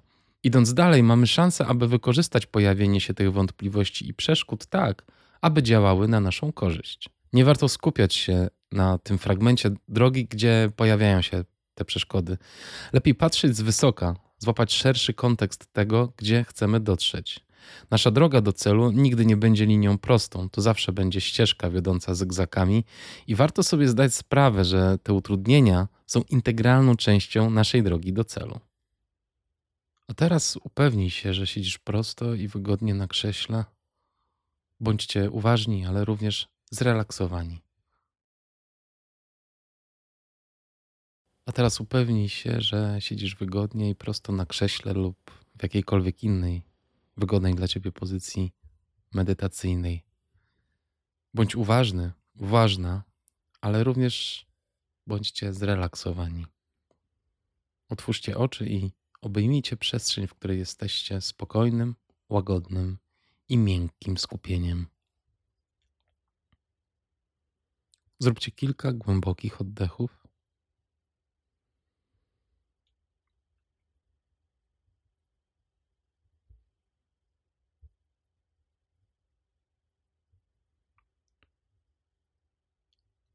Przy kolejnym wydechu zamknijcie powoli oczy.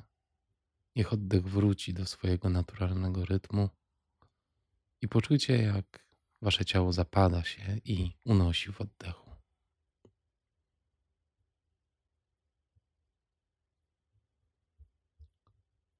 Poczuj, jak się czuje Twoje ciało, jakie emocje towarzyszą dzisiejszej medytacji.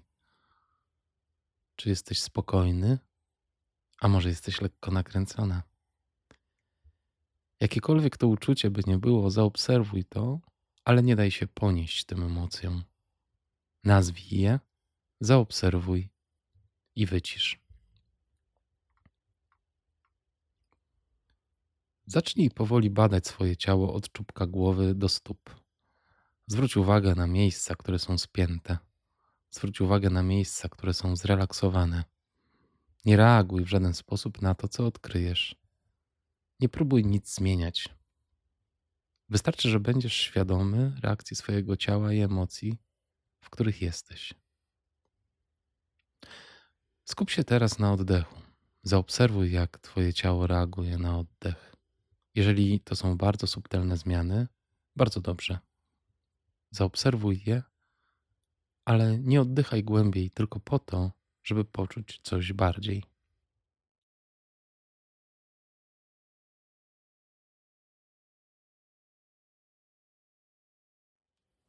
Zwróć uwagę, jak powietrze wypełnia Twoją klatkę piersiową i ciało unosi się podczas wdechu, po czym mięknie i opada podczas wydechu.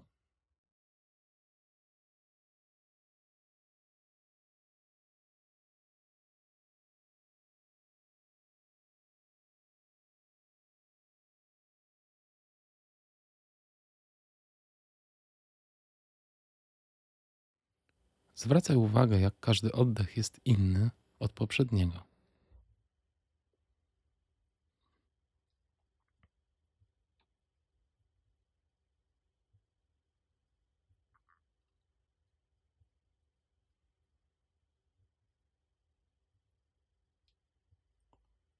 Chciałbym, abyśmy dzisiaj popracowali z pewnym pytaniem. Pamiętaj, aby myśli, które pojawią się w Twojej głowie po usłyszeniu tego pytania, zaobserwować i pozwolić im ulecieć, nie dając się ponieść emocjom. Zachowaj jednak w sobie odczucie, które będzie Ci towarzyszyć, gdy usłyszysz pytanie. Więc zadaj pytanie i zauważ, jaki efekt ono wywoła. Dzisiejsze pytanie brzmi: Co ci uniemożliwia osiągnięcie Twojego celu?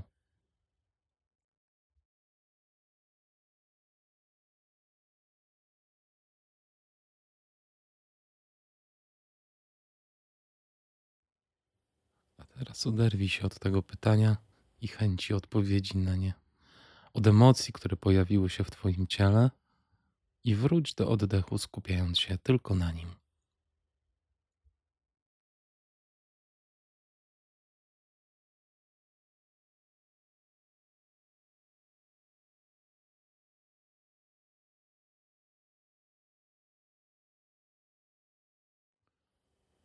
I znów niech wybrzmi w Twojej głowie dzisiejsze pytanie. Nie staraj się, aby w Twojej głowie pojawiła się jakaś nowa myśl lub emocja. Po prostu zadaj to pytanie. Co Ci uniemożliwia osiągnięcie Twojego celu?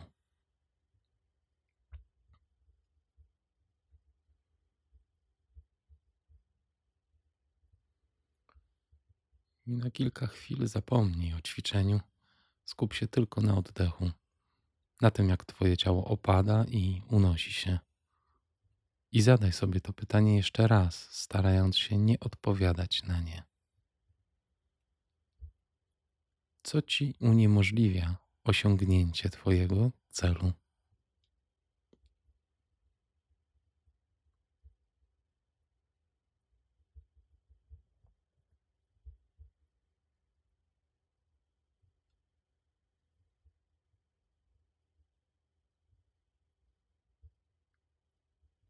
Po prostu oddychaj otoczony emocjami, które to pytanie wywołuje. Niech pracuje w tobie, podczas gdy ty spokojnie oddychasz.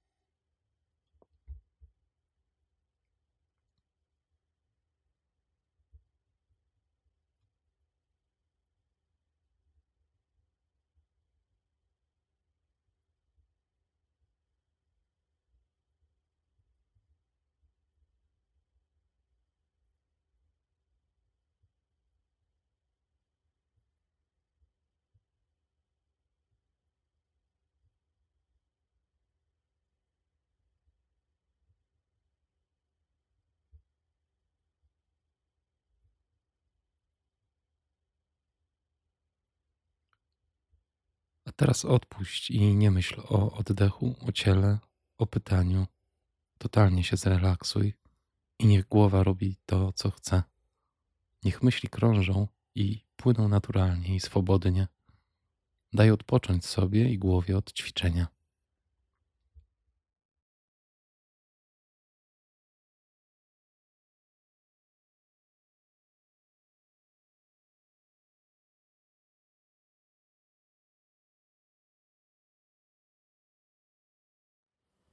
Teraz znowu skup się na ciele. Poczuj jego ciężar, poczuj miejsca, w których Twoje ciało dotyka krzesła, podłogi. Wykonaj jeszcze kilka dłuższych oddechów. Zacznij dopuszczać do siebie dźwięki i zapachy. Powoli wracaj do rzeczywistości, skupiając się na otoczeniu.